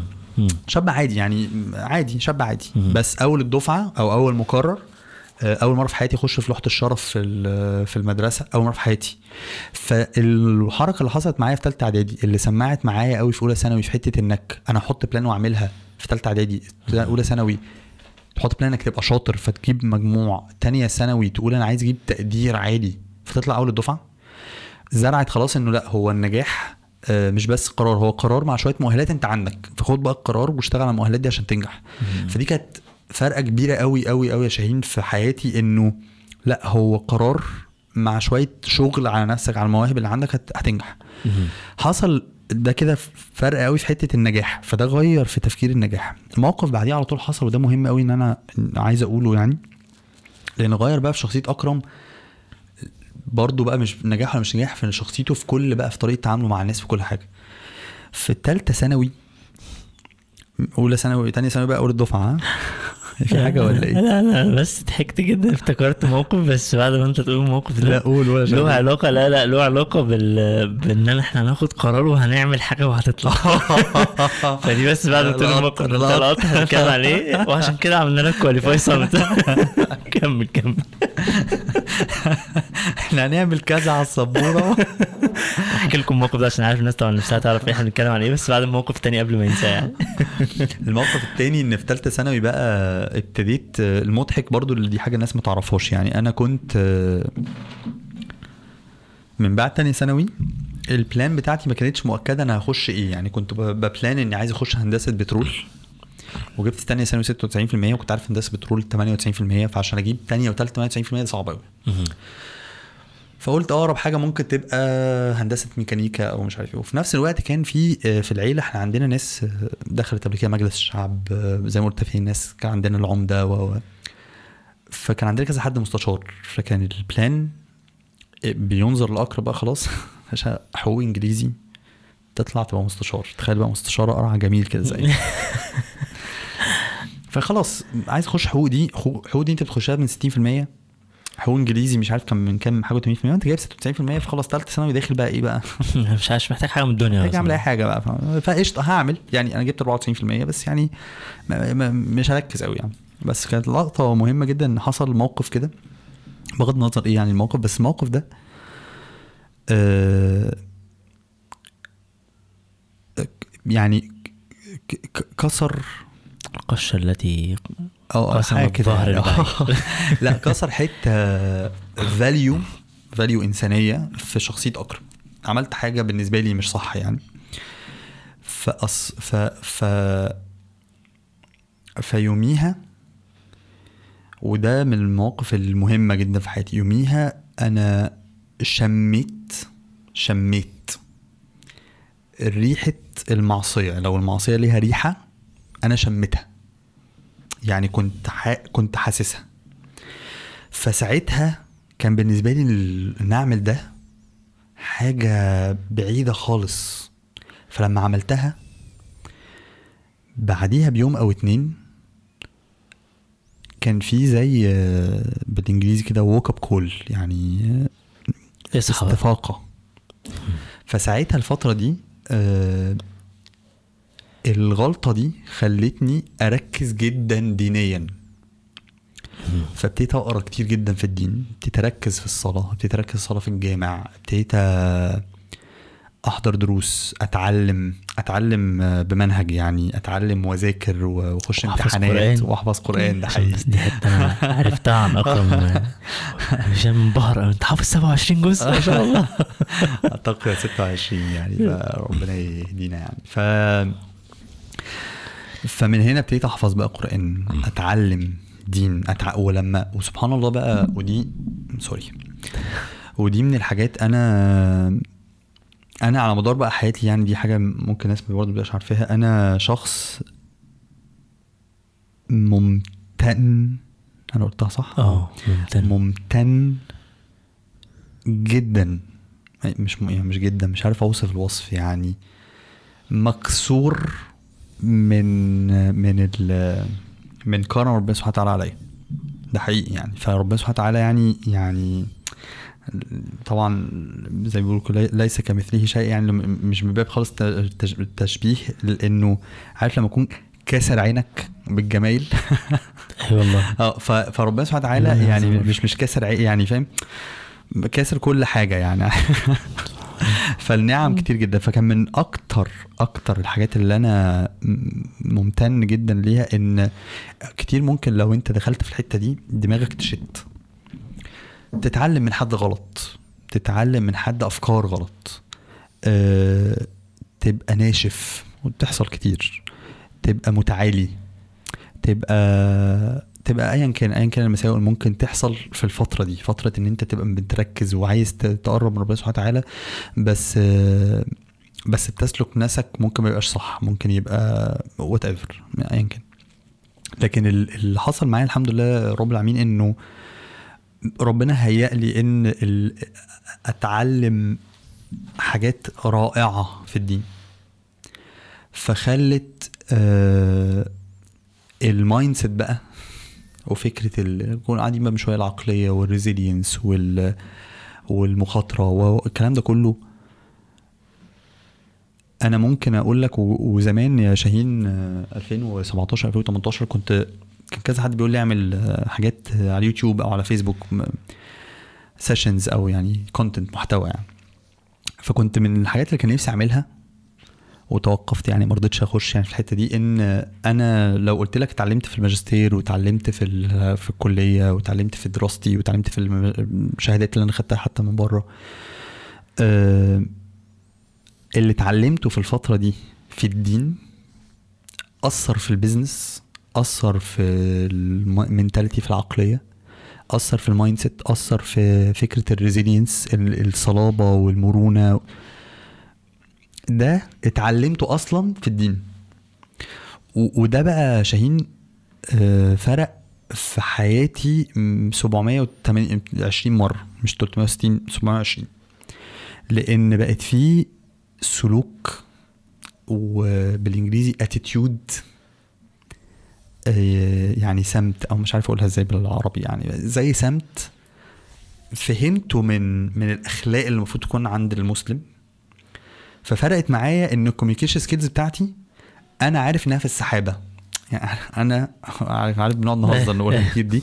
لما بقول لحد يا جماعة أنا في الكراسة الجامبو وال HR لما يجي يسألك قول لي ثلاث مميزات ثلاث عيوب والجو السيس ده بتاع الحموضة ده. فأنا أكتر skill عندي ممكن أنافس فيها أي حد communication skills طب اتعلمتها فين بقى ال communication skills دي؟ في دروس الدين. فلما كان أنا مش هنسى مش هنسى شاهين دي حتة برضه أول مرة أقولها. أنا كان عندي امتحان في مادة الأخلاق. في العادي لما تيجي تعرف حد بيدرس دين بتدرس حاجة فقه شريعة عقيدة. كان أول مادة بدرسها كانت أخلاق. فكان عندنا امتحان. فوأنا بذاكر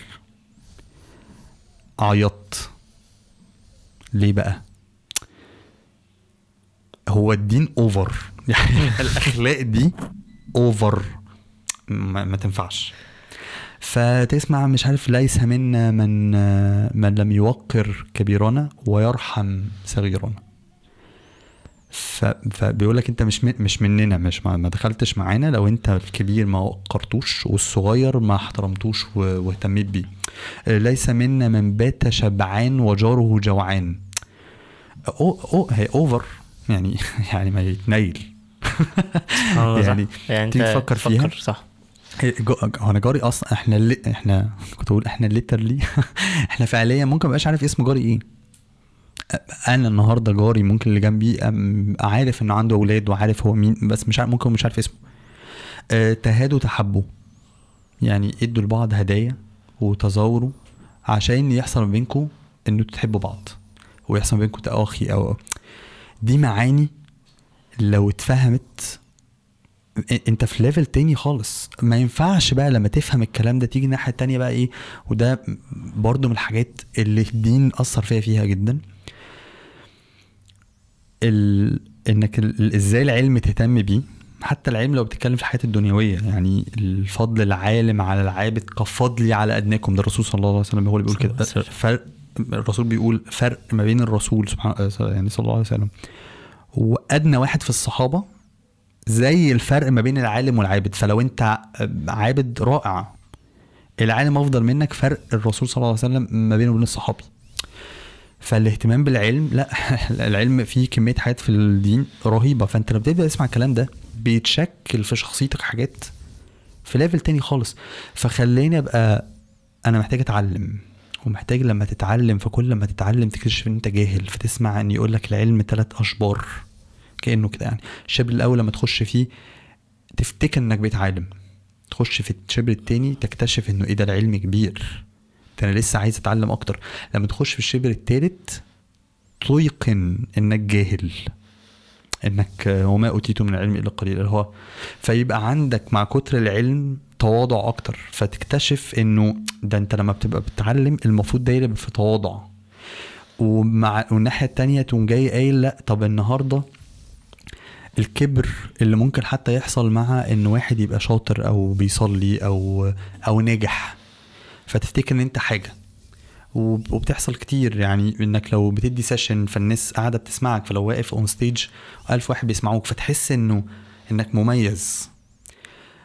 الدين بقى يكسر عندك ده. أنت واقف بستر ربنا أصلا. بالظبط. فتكتشف إنه لا على فكرة ده أكبر كبيرة الكبر. لأنه هي أصلا أول مش أول أكبر معصية. إيه اللي خلجت إيه اللي خرجت إبليس من مكانته؟ إبليس جن شيطان. كان موجود والايات قاعدة بتتكلم إن ربنا سبحانه وتعالى بيأمر الملائكة إن تسجد كلهم. وإب- سجدوا إلا هو. طب إيه اللي جاب إبليس مع الملائكة؟ كبر. لا إيه اللي جاب أصلا آه. إبليس مع الملائكة؟ إن إبليس آه. كان في مرتبة عالية. آه آه آه. فإبليس من كتر ما مرتبته كانت عالية إن هو شاطر وعابد و وصل لمرتبة إنه ينفع يقف مع الملائكة. وهو جن. وبعدين الكبر راح موديه بقى بره. خالص اخرج بره خالص. فبقى ده ي reflect على أمثلة مش عايز أدي عليها مثال بس مثال إنك تسمع إن حد انتحر ولا حد whatever عمل أي حاجة غلط كبير جدا. ال- ال- الثانية إنك تفتكر تنكر عليه هذا الأمر يعني. إن أنت أحسن منه كبيرة ممكن تبقى أكبر من اللي هو عمله. فده يخليك في الآخر يبص بقى ده كل ده حاجات إيه؟ حاجات مش هتجيبها لو أنت واحد قاعد يديها لك في دروس. هتجيبها لما تشرب الدين ده بطريقة صح وتفهم ال ال الك... مش الكواليس المعاني اللي فيه. فبقت المعاني دي بتشكل في الشخصية إنه لأ ده أنت الكبر ده أنت آه، وت- وتحفظ بقى الكلام الجميل ترى القش في عين أخيك ولا ترى الجذع في عين نفسك. ترى القش تشوف في عين أخو- أخوك القشه ومش شايف إن عندك جذع في عين شايفه بقى blind أعمى. فالكلام ده تاني بقى ده كانت بعد ثالثه ثانوي. فقعدت خمس سنين كلية آه، في حتة تانية خالص من ال- الحتة ال spiritual أو الحتة الروحي الروحانية اللي فيها علم اللي فيها أدب اللي فيها أخلاق اللي فيها تجهيز لشخص عشان آه، حياته تبقى ماشية بالطريقة اللي ماشية فيها. فعشان كده لما بتيجي تقول ندمت في أي حاجة فبتفهم إنه في الآخر ما ولا هو ولا الندم أصلا بيقص يعني صح. مفيش أندم ليه؟ ده. بالعكس ده أنا ممتن وشايف إن ربنا سبحانه وتعالى كل اللي مشي ده كان فيه ترتيبات رائعة. فأنت بتحس ما أنت مش بس راضي. لكي لا تأسوا على. ما فاتكم ولا تفرحوا. بالظبط. ف...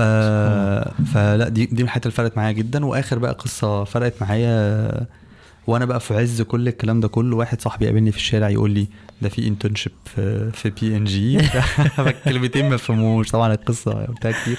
لا فإن صاحبي يقول لك الكلام ده كله وأنا في وسط بقى إن أنا مش عارف هشتغل إيه ومش عارف إيه فواحد صاحبي يقول لك بي ان جي يقول لك internship فالكلمتين ما أعرفش ا spell هم ما أعرفش أنطقهم. مش فاهم ولا بي ان جي هي إيه ولا يعني إيه ولا يعني إيه؟ internship فابتدى يقول لي ده في حاجة اسمها multinational أمور يا معلم في ال multinational شركات عالمية كبيرة. أنا ما كنتش أعرف الشركات. فالمعلومة دي ربنا يكرمه صديقنا محمد رستم كان منورنا في Qualify Summit آه هو اللي اداني ال tip دي أو النصيحة دي. يا محمد رستم ده هو اللي. اداك هو اللي. فتح معايا فتحة رهيبة. فبسببه ابتديت بقى تخش في مرحلة سعي جديد بقى خالص من من تبتدي تسعى تشوف هو ال... أعمل إيه عشان أكتسب مهارات تخليني أبقى مؤهل إن أنا أشتغل في multinational company وابتدت هنا رحلة تانية خالص بقى. خد بالك بقى رحلة واحد عارف إنه ممكن ينجح. جربها في أولى ثانوي وفي ثالثه إعدادي وفي ثانية ثانوي. لواحد اتكونت شخصيته واكتسب مهارات معينة وسلوكيات معينة وتفكير و mentality معينة في الفترة بتاعت الجامعة بسبب ال- الحاجات الدينية اللي الواحد اتعلمها. وبعد كده مرحلة جديدة يلا بينا بقى اكتشف إنه رحلة بقى رحلة و career. كبيره خالص. إن في حاجة اسمها career وإن في حاجة اسمها career development وإن في إنك تشتغل على نفسك وتطور من نفسك وإن التطوير من نفسك ما يخلص. اللي كان مرسخه أصلا الدين فالإمام أحمد حنبل يقول لك أنا مع المحبرة إلى المقبرة. يقول لك أنا مع المحبرة يعني ال- الورقة الحبر هقعد أتعلم لغاية لما أروح القبر أنا مع المحبرة إلى المقبرة فلما ده تأسس فبقى بالنسبة لك لما حد يقول لك career development هنقعد بقى نعمل career development ونقعد نشتغل على نفسنا ونشتغل على غيرنا. بس إيه رأيك في الإجابة القصيرة دي؟ لا لا لا. أظن هشام هيعدي الحتة اللي كنت بتكلم فيها عن الدين. ده skip skip يا جماعة على طول بسرعة. نيجي كده بسرعة. وأنت كنت كده ياض هشام اتخض لما عرف إن أكرم كان حافظ 26 جزء إيه ده؟ أنا عارفك بقالي كتير يا أكرم. إزاي ما أعرفش المعلومة دي؟ آه لا لا والله يا أكرم حبيبي جزاك. الله خير إحنا تعرف إن إحنا مهم ناخد break دلوقتي؟ مهم ناخد break آه إحنا ناخد break كده دلوقتي ونرجع نكمل تاني. في شوية أسئلة إحنا. أنا كنت متخيل إن إحنا المفروض بنخلص لا مش هنخلص إيه؟ ده لسه تلت الأسئلة بس لا، لا، فاتت. لا. أنت قاعد معايا في ست بطاريات أنا لازم يخلصوا فاهم؟ أنا مستني الحلقة دي من أسبوع. وبعدين أنت. بتحب تاخد وضعك في الكلام أنت بتحب تتكلم. أنا رغاء يا شيخ. طيب فده مكانك. لا, لا، هو أنت ما أنا حسيت إن بتتكلم أنا رغيت خلاص. كده. لا لا. خلاص كده اللي عندي خلاص لا لسه بدري ده نص الوقت. الحلقة دي تنزل على ست مرات. جاهز يا أكرم؟ آه جاهز يا أكرم؟ جاهز. انت متاخر يا أكرم؟ لا لا خلاص. خلي بالكم إن إحنا إحنا رجعنا كده break بعد break طويل. ف رجعنا بعد break طويل وإيه بقى؟ هو اكرم وكان الأكل خطير. خطير. لا وفي بقى حاجة إنه أكرم ما يعرفهاش. إحنا وأنا في ال break جه في بالي حاجة. هي بره كل الحاجات اللي إحنا كنا فكرنا نتكلم فيها يعني. أنا بصراحه بعد ال break الطويل ده حابب عشان نفك كده ونخش في ال في, ال- في ال mood بتاع الحلقة تاني آه، حابب نتكلم عن Qualify Summit نبدأ منين تحديدا عن Qualify Summit إيه رأيك نحكي للناس الموقف بتاع ال ال ال meeting اللي طلعت فيه فكرة ال summit وخلي بالك أنا في ال- في الحلقة بتاعت شاهين Showcast ببقى عامل زي قعدتي كده في ك coach يعني. ال coach ما بيديش نصايح فشاهين في شاهين Showcast ما بيرغيش. فأنت بقى. إيه. احكي لهم أنت الموقف بقى. احكي لهم كله ولا حتة منه؟ اللي أنت شايفه بقى أستاذ اكرم اللي تجود بيه يعني. لا ال مش عارف نبدأ منين. إحنا ليه عملنا كواليفاي لا هو هو ال هو الموضوع كان آه،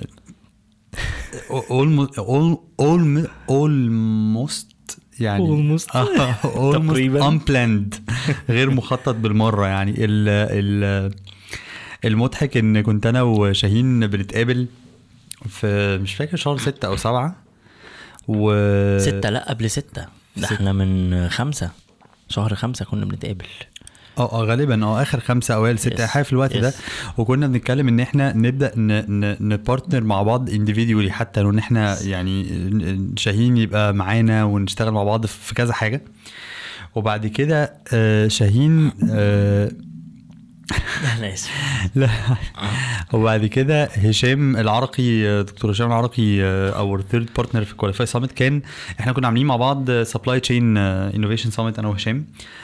ف فكنت المفروض أروح اقابل هشام علشان نتكلم في Supply Chain Summit وبعد كده شاهين صاحبنا أنا وهشام ف already كنا بنتكلم أنا وشاهين في حاجات ليها علاقة Qualify قبل ما يبقى Qualify. آه مش مش summit بقى. Qualify لوحده كان يبقى product قبل ما يبقى summit فهشام هنتقابل علشان supply chain فشاهين آه، عارفني كويس وعارف هشام كويس وإحنا أصحاب. فاللي هو طب ما ما, ما أنا أنا أنا هاجي عادي بنسمع إيه اللي بتعملوه في ال summit وشاهين أصلا من قبل كده بصراحة كان يعني حتى في Supply Chain Summit شاهين عمل معانا vlog وكان بي support وهو أصلا interested جدا وفي ال summit نفسه كان ليه من أكتر ال engaging booths اللي كانت موجودة في ال summit Supply Chain Compass كانت عاملة قلق. آه Compass كانت عاملة حوارات. ف وبعد كده قمنا طالعين آه، فروحنا لهشام مكتب هشام حلو يعني تحب تقعد فيه وتحب تبقى. قاعد كده جنبه يعني. ف خلاص وكتبت وقفت كان عند هشام white board كده في ال meeting هو حرقها بعد ال qualification آه. هي ال board دي السبب. فانا واقف أنا بحب يعني أقف على ال board كتير. فأنا وكتبت Supply Chain Summit اس سي اي اس اس سي اي اس آه. وسكت كده لوهلة ما أعرفش إيه اللي جاب ال- ال- الفاتية. نستغل بقى إن شاهين معانا. أنتوا عارفين بقى طبعا شاهين influencer قد الدنيا. تاثر قوي زيادة شوية. فقلنا إيه طب يا جماعة ما تيجوا نعمل influencers summit المهم ال- المضحك في الموضوع إن إحنا الثلاثه تحمسنا. يعني يعني هو Qualify خلص في ال meeting ده. يعني لا إحنا تحمسنا جدا للفكرة وقلنا إيه ده إيه ده. ال influencers ما بيتجمعوش. في حتة و... ويبقى كل حد تبقى حاجة كأنها TED talk و... ونستغل بقى علاقات شاهين وعلاقات هشام و... وكده. ف وخلاص و almost ومرزعين فاكر يا شاهين؟ مرزعين لستة الأسماء اللي في كل حتة وبتاع. 50 speaker في مجالات كتيرة جدا و. المضحك جدا جدا جدا في الموضوع إن خلاص إحنا ماشيين. يا اليوم ده اليوم اللي بعده تعتقد في اليوم ده ماشيين إنه خلاص إحنا هنعمل influencer summit شاهين ركب العربية وخلاص طالعين. فالمهم أنا طلعت في العربية. أنا وهشام مش عارف ليه هشام بيحب يتكلم عند عربيات كتير يعني ف لا هما الاثنين ما كنتش طايقهم في ال summit لأن هما إحنا بنخلص ال meetings وبعدين أنا ماشي أقول لهم طب يا بكرة الصبح قولوا لي إيه اللي حصل عند العربية؟ يعني هو هم ماشيين عند العربية هما الاثنين بتحصل حاجات غريبة. فالمهم واقفين عند العربية وقفنا على العربية ساعة ل 10 دقايق. ساعة ل 10 دقايق بقى بنتكلم على طب إيه ال... ما أعرفش إيه اللي خلانا نعمل كده بس بكام يعني إيه ال pros وال cons أو إيه المميزات وال, وال... الحاجات اللي ممكن تبقى م... إضافة أو الحاجات اللي ممكن لأ ما تبقاش أفضل حاجة.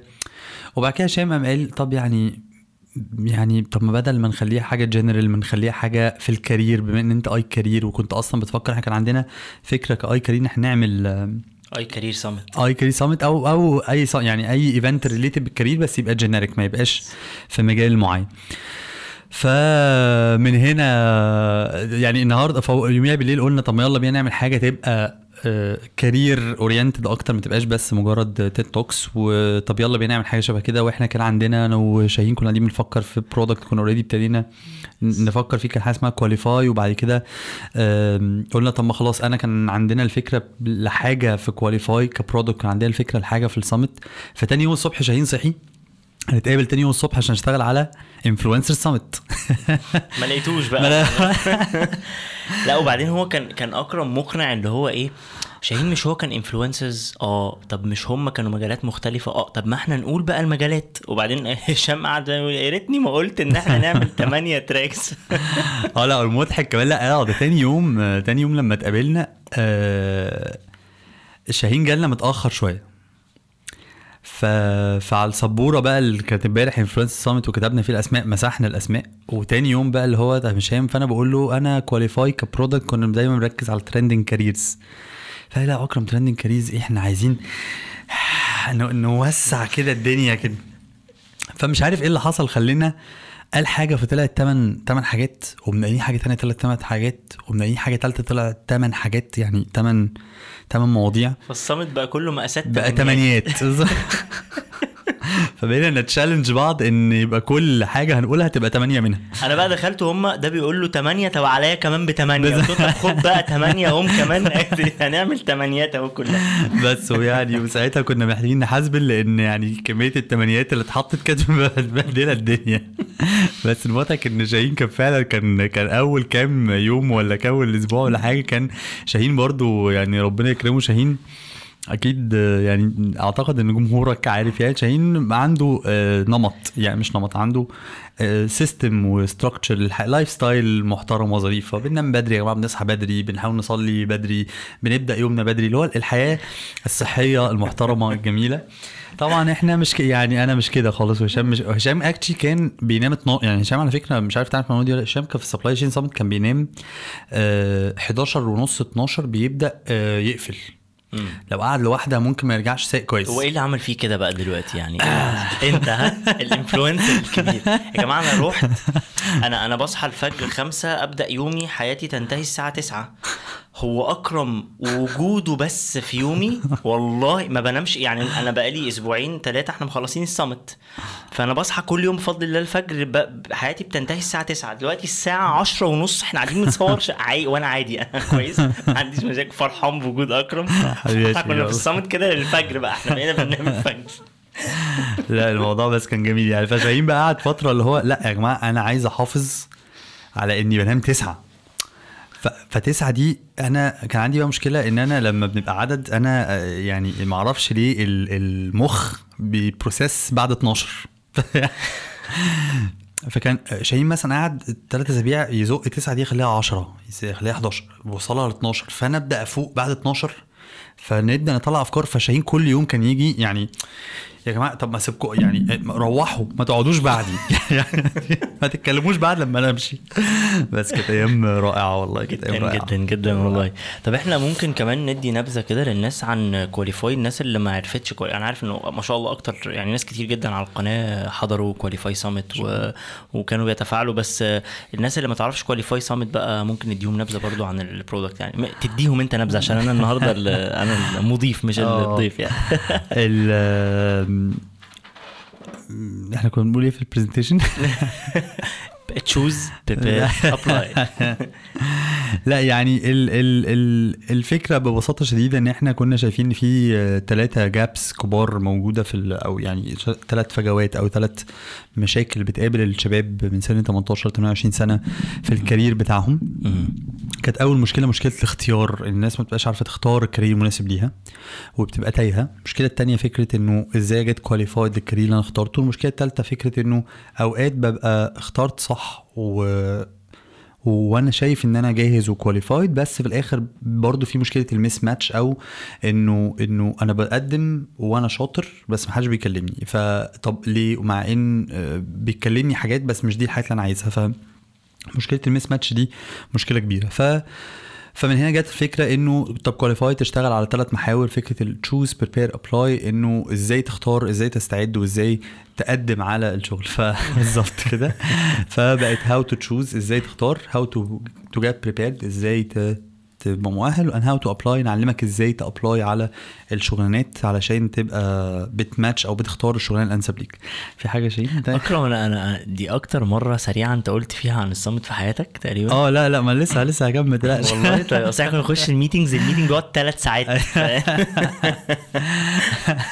لكن دي كانت ال journey فال journey كانت choose prepare apply وكانت مقصودها إنه دايما ال summits كانت بتبقى فيها محتوى جيد جدا بس أوقات من كتر حلاوة المحتوى الدنيا بتتوه لأنه في أكتر محتوى شغال مع بعضه in parallel أو على التوازي. ففكرة ال journey أو الرحلة إنه يبقى الموضوع منظم كل يوم ب activities معينة والناس تقدر ت customize أو تنتقي وتختار وتنقح الاجنده بتاعتها باختياراتها. فيبقى في personalized learning إن أنا بختار الرحلة العلمية اللي تناسبني أنا مش اللي ال summit حاططها بنفسه فكان الناس بتعرف تختار الكلام ده عن طريق الموبايل application وكان الأساسي بقى كمان قبل ما نقول ال journey كان فكرة الثيم أو ال أو ال ال مش عارف ال ال ال الهدف العام من ال event آه إنه إن إحنا نقول للناس إن في generation next يعني إن في جيل جديد من الشغلانات والجيل الجديد ده بيتماشى مع الجيل الجديد من المواهب.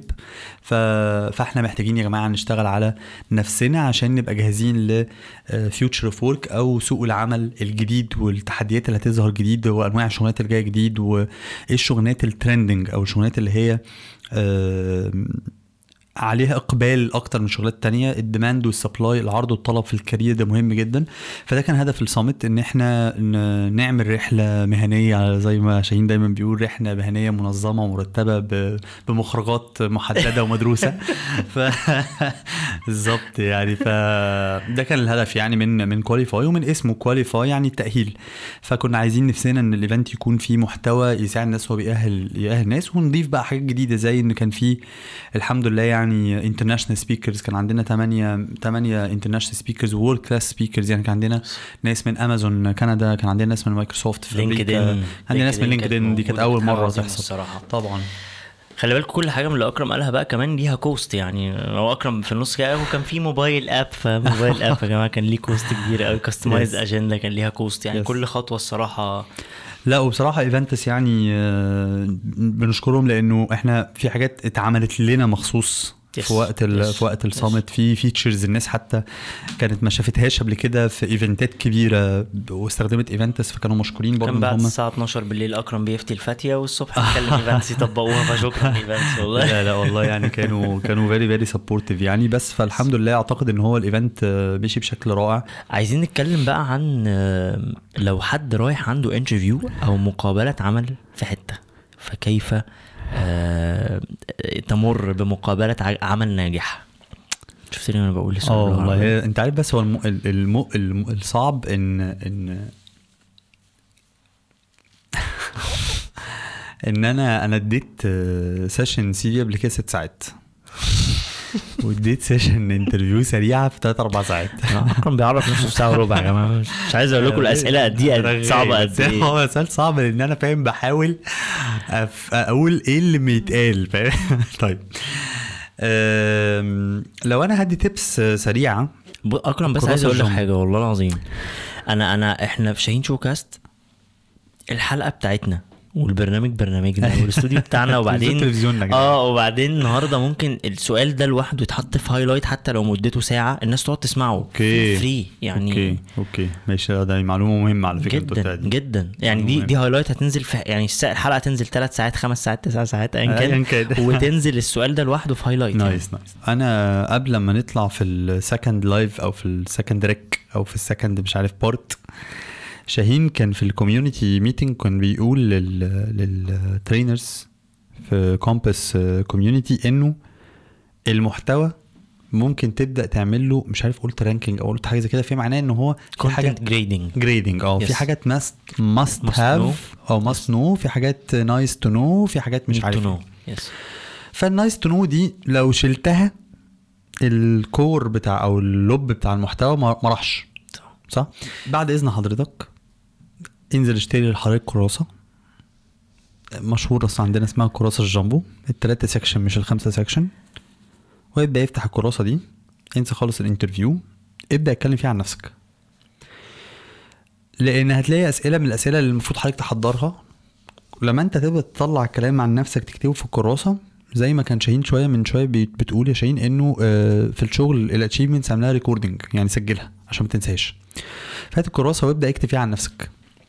فمن أول حاجة الأسئلة اللي هي ال- الأسئلة السهلة خالص اللي في الأول هو عرف نفسك. طيب يا حضرتك هتعرف نفسك إزاي؟ فأوقات الناس يا بتسترسل قوي يا بتقتصد قوي في الكلام ففي الآخر اللي طول بزيادة الراجل قدامه زهق اللي اقتصد الراجل قدامه ما استفادش. ف ففي تكنيك في ال introduction اسمه باو أو باوس أو باوي whatever يعني إنه بتتكلم عن حاجة personal بتتكلم عن حاجة academic بتتكلم على شغل وبتتكلم على skills حلو فحضرتك محتاج تنوع في الكلام ده. أنا لما جيت عرفت نفسي النهارده قلت إيه؟ قلت والله يا جماعة أنا academically عامل إزاي؟ دراستي كانت عاملة إزاي؟ ماجستيري كان عامل إزاي؟ الشهادة اللي خلت ابدا أقول لك كانت إيه؟ شغلي كان عامل إزاي؟ رحلتي في الشغل بتاعي عامل إزاي؟ وبعد كده يتكلم حاجة personal حاجة personal متجوز بتحب النادي الفلاني بتلعب رياضة فلانية. لو أنت مثلا شاهين كان دايما في ال introductions بتاعته مثلا في ال meetings جنب شغلي في الشركة ال multinational الكبيرة أنا آه، بحب جدا ال video making فدي هواية. ف... فاقولها ف... فممكن اللي قدامك ي click وده حصل. يعني كان بيبقى في meetings مع شركات بغض النظر عن اسمها. آه، كان اللي قدامه بي click معاه. فبيكسر حاجز ما بين الشخص واللي قدامه علشان إيه ده؟ ده أنا كمان بحب ال videos. إيه ده أنا كنت مثلا هشام بطل آه، رياضي فاللي قدامه لو هو كمان لاعب رياضة حتى ايا كانت إيه الرياضة. بيسيبوا ال meeting بقى ويقعدوا ي click وا في حتة؟ بالظبط. yes فاهم؟ أنا أنا مثلا لو اللي قدامي بيحب بي ان جي زيي فهنقعد نتكلم أنا بعض في بي ان جي كده. بس ف ف فدي بس حتة introduction حضرتك اكتب الكلام ده. طيب. مهم. في بعد كده أنا دايما بقول في ال interview عند حضرتك 12 موقف أغلب يا جماعة الشركات ال multinational بتسأل نوع أو بت بت بتعمل نوع interview اسمه competency based interviews أو situation based interviews interviews مبنية على المواقف ومبنية على الجدارات اللي عندك. فبيعمل ده إيه؟ بيسأل حضرتك أسئلة احكي لي موقف. فيقول لك احكي لي موقف كنت فيه leader كنت فيه قائد. احكي لي موقف عندك مشكلة وحلتها إزاي. احكي لي موقف عملت فيها plan إزاي. فحضرتك طبعا خدت feedback اديت feedback آه حضرتك إيه. عندك هنا مشكلتين. المشكلة الاولانيه إن حضرتك ممكن أصلا ما يكونش عندك موقف خالص. يقول لك موقف فيه leader أو كنت فيه قائد فحضرتك ما مرتش بموقف قيادي قبل كده. موضوع قائد فين حضرتك؟ أنا من البيت للقهوة من القهوة للجامع كده يعني. ف... فدي أول مشكلة. المشكلة الثانية إن لا حضرتك كنت leader بس أنت مش محضر إزاي to show تظهر إن أنت كنت قائد. مشكلتين. فالمشكلتين دول دايما كنا بنقول كده في ال session بتاعت ال interview آه preparation يعني كل ما تحضر كويس كل ما ده يخلي الأداء بتاعك في ال interview أحسن. yes آه proper preparation. prevent poor performance. فالتحضير الجيد بيمنع الأداء السيء. فلما أنا النهارده أسألك مواقف دي حضرتك لو جايب الكراسة دي هتبدأ تكتب كل موقف من دول في ورقة. فأنا هقول لحضرتك دلوقتي 12 موقف. هقول لحضرتك دلوقتي 12 موقف. ابدأ حضرهم اكتبهم كده وابدأ حضر المواقف دي. كلمني عن leadership problem plan success failure risk. دول أول ست مواقف. بعد كده change. Conflict limited resources يعني موارد قليلة أو عدد أفراد الفريق قليل tight schedule أو tight deadline يعني جدول زمني مضغوط idea you developed from scratch و كان في واحدة فيها challenge برضو آه، كان في موقف فيه. وحش ما قلناش ال challenge يبقى. التشالنج أوكي فنجيبهم تاني موقف كنت فيه قائد موقف خدت فيه مخاطرة موقف نجحت فيه موقف فشلت فيه. ولما هتقول فشلت فيه ده انت مش هتقول إن أنا شخص فاشل مش هتعمل كده تقول أنا فشلت في حاجة فتعلمت منها إزاي فخلتني Yes. أتجنب مشكلة تانية إزاي لإني أخدت corrective action أو آه موقف تصحيحي. للمعالج للموقف اللي أنت وقعت فيه بالظبط فقول بعد كده آه، أكبر نجاح قول أكبر فشل مريت بيه قول آه خطة الناس يا أكرم دايما برضو بتقعد تسأل طب أنا يا عم أنا لسه متخرج لو أنا دخلت competency based interview في شركة حضرتك عشان كده بنقول students activities yes أنا ده بالظبط الشيء اللي حصل معايا. أنا لما رحت أول مرة في حياتي بي ان جي وقام سالني الأسئلة دي ما كنتش محضر فعملت إيه؟ فارتجلت. فقعدت أفكر وأنا في ال interview حاولت أرتجل. فالارتجال خلاني مش محضر. yes وإحنا عندنا التكنيك خد بالك بقى الراجل HR أو الراجل hiring manager اللي بيعمل لك interview ده هو واخد كورس إزاي يوقعك؟ يعني هو برضو مش داخل الموضوع مش محضر ده هو بقى عشان يبقى هو داخل محضر بقى هو أصلا. محضر. وعنده list كمان بي check عليها أنت. قلت إيه وما قلتش إيه. وإحنا في تكنيك كده مشهور اسمه devils are in details الشياطين في التفاصيل. أسألك حضرتك في التفاصيل تبدأ تهر. تهر مني بقى أسألك أكتر تبدأ تعرق تطرد. ده عادي معروفة خالص. وأوقات واوقات بيبقى فيه آه عشان بس نقفل الحتة ال 12 سؤال اللي إحنا قلناهم دول طب أنا هجاوبهم إزاي في الكراسة بتاعتي؟ هتمسك كل موقف من دول وتجاوب بتكنيك اسمه ال CAR context action results context يعني احكي لي السياق احكي لي القصة احكي لي ال background احكي لي خلفية الموضوع. احكي لي ال actions بتاعتك احكي لي النتائج اللي نت- نتجت عن ال actions اللي انت خدتها أو الأفعال والتصرفات اللي انت عملتها. yes فكل واحد من دي استرسل عشان لو هو سأل في تفاصيل انت يفضل لك ان هو ما يسألكش. yes يعني سألتك السؤال آخد الإجابة كافية وافية. فما يبقاش لاقيش حاجة يسأل عليها تاني. بالظبط. لو لقيت حاجة أسأل.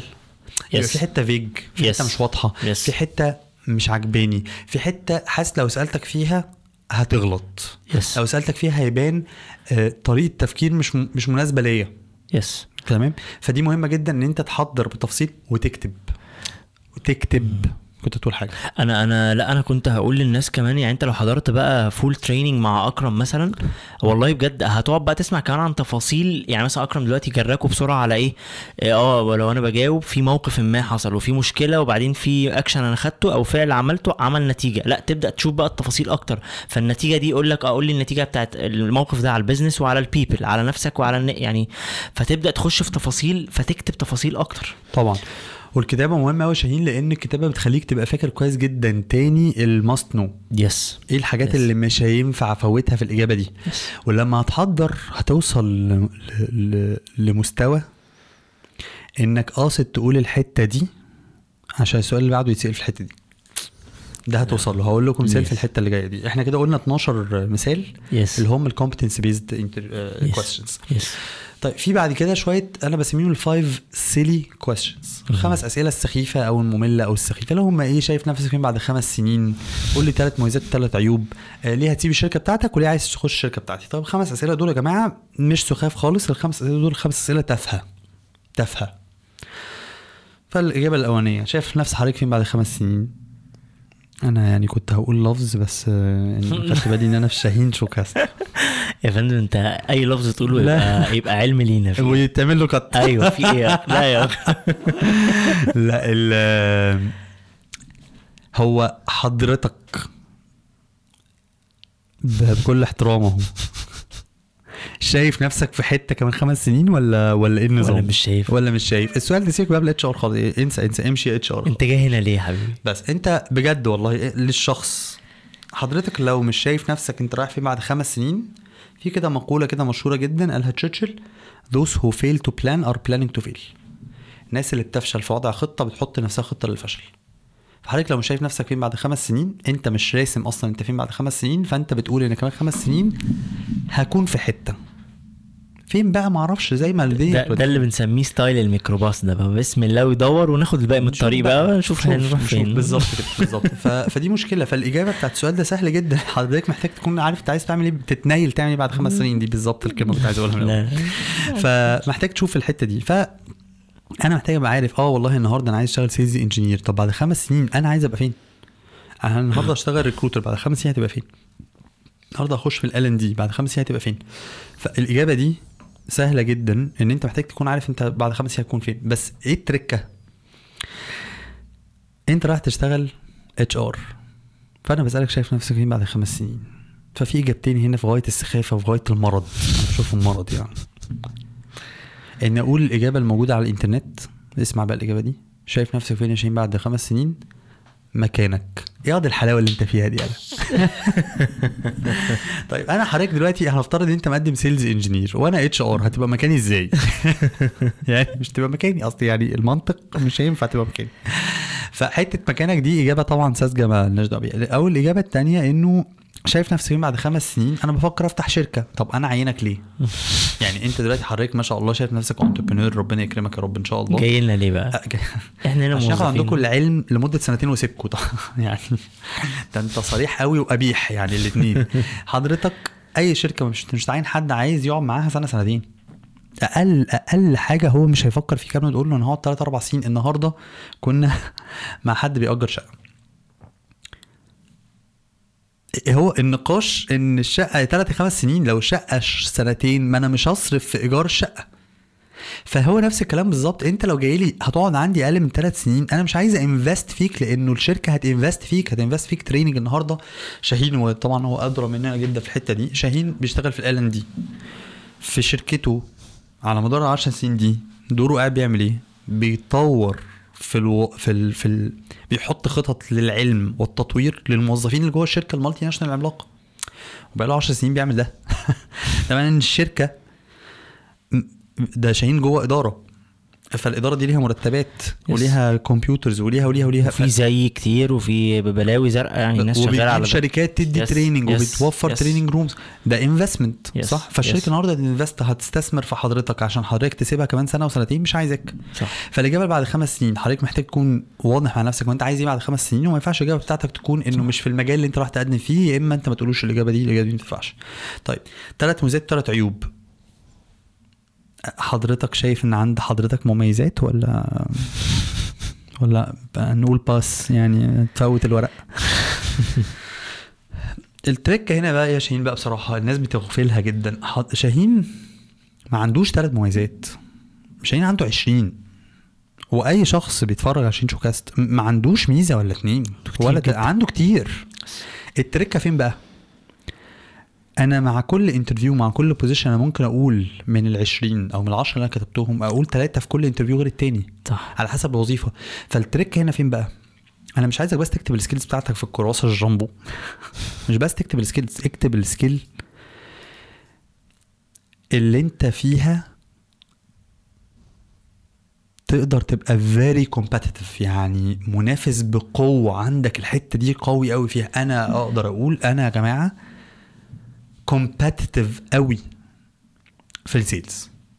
أنا competitive في الحتة بتاعت career development. yes أنا competitive في الحتة بتاعه ال communication أنا مش competitive خالص في حتة ال آه،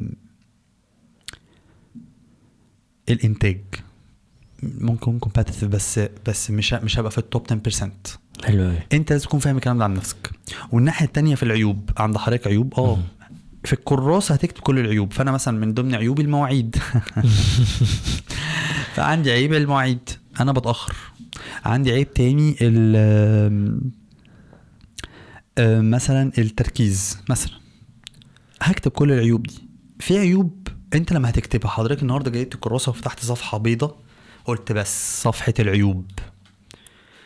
مليتها هتبقى ماشي فرحان عندك صفحة بعيوب؟ لا هتعمل إيه؟ تشتغل عليها بقى. سبحان الله. هتشتغل عليها. فهتشتغل على العيوب دي في عيوب هتطورها في عيوب هت... هتقل. في عيوب هتتعايش معاها. شكرا. بس بقى. فأنت هتكتب عارف إيه العيوب اللي أنت هت you live with هتعيش بيها. واللي عيوب حواليك هيتعاملوا معاها واللي. حواليك هيتقبلوه زي إيه مثلا؟ وهيحبوك بيها. آه مشكلة الوقت. في عندي مشاكل تانية اشتغلت عليها حسنت منها حاجات في حاجات. ما اتحسنتش. فأنا في ال interview هقول إيه؟ مش حاجات ما اتحسنتش مش هخش أقول لحضرتك أنا بتأخر على ميعادي ساعة. أنا مفوت تسع. طيارات قبل كده. آه أنا أستاذ في تفويت الطيارات والبتاع مش تقول له كده. ف... فده السؤال بتاع المميزات والعيوب. بعد كده سؤال ليه سبت الشركة؟ ما ينفعش خالص خالص تغلط وتقول إنك سبت الشركة لأسباب إن الشركة فيها حاجة وحشة. ده سؤال من الأسئلة اللي بيبقى إحنا مستنيينه عشان تسقط. الغلطة فيه بسقوط على طول. فلو انت غلطت في الشركة بتاعتك مهما كان هتسقط. مهما كان غالبا هتسقط. إيه التركه بقى؟ خد الحتة دي. يلا. لا أنا في شركتي دي حلوة دي فيها واحد اتنين تلاتة أربعة. أنا شاطر فيها وعامل واحد اتنين تلاتة أربعة. أنا أصلا مش عايز أمشي من الشركة. بس أنا نفسي أشتغل عندكم.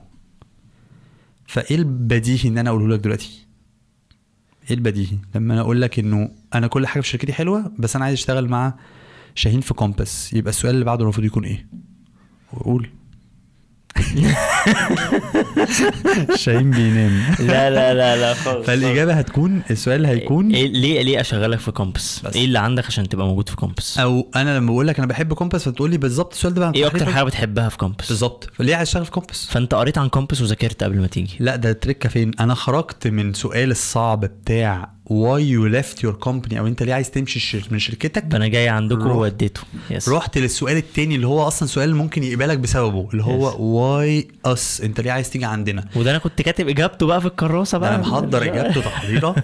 أنا اديكم مثال ده بجد. أنا في في واي بي إن جي أنا قايل سبع إجابات ما فهمش إن P&G شركة multinational. فأنت محتاج تبقى محضر ده. ما تقولش إن P&G شركة multinational. شركة بتدي مرتبات كويسة. شركة فيها فيها فيها فيها الناس بتتعلم. فيها حاجة حلوة كده. آه أنا بصراحة شفت الموظفين وعجبني ال badge. جو سيس رخيص فأنت محتاج تقول له سيس رخيص دي حلو محتاج تبدأ تقول له حاجات مختلفة. فأديكم مثلا مثال في بي ان جي قمت جاي قايل من ضمن الأمثلة. والله عشان آه عندكم مبدأ في ال hiring وال development اسمه we grow from within ده مبدأ فين؟ جوه بي ان جي فأنا قلت حاجة very specific حاجة محددة جدا. يعني إيه we grow from إحنا بننمو وبنكبر من الداخل. يعني الواحد بيخش مدير درجة أولى يقعد يترقى من جوه فالمدير درجة خمسه ده ما جاش ابدا من بره الشركة. دايما بيرقوا من جوه دايما. بيرقى من جوه فده معناه إن أنا هخش في مكان هتعلم وأترقى. حلو فالشركة دي هتسعى إن أنا أتعلم وأترقى وده career value كبيرة جدا. فدي مثال specific جوه ال enter جوه ليه عايز تخش الشركة. آخر حاجة بقى هقولها في الحتة دي في techniques بتتبع أوقات مش في الشركات عادة مش في الشركات ال multinational بتبقى عادة. مش في بعض الشركات. وال- والحاجات دي ابتدت تقل كتير. لكن وارد إنها تحصل. زي إيه؟ إن أنا أحاول أحط أحاول أحطك في stress فأبص في الساعة وأنت بتتكلم. أمسك بقى الموبايل وأنت بتتكلم ولكن مش مهتم. أبقى فاتح اللابتوب كده زي شاهين ومش باصص لي وقاعد ماسك باصص في اللابتوب. يعني شوية إيه؟ حاجات هدفها إني أستفزك وأشوف لما أنت بتستفز إيه اللي هيحصل. okay. وممكن أوقات أقصد أعمل حركة رخيصة. زي إيه مثلا وأنت داخل عند الأمن أصلا يرخم عليك.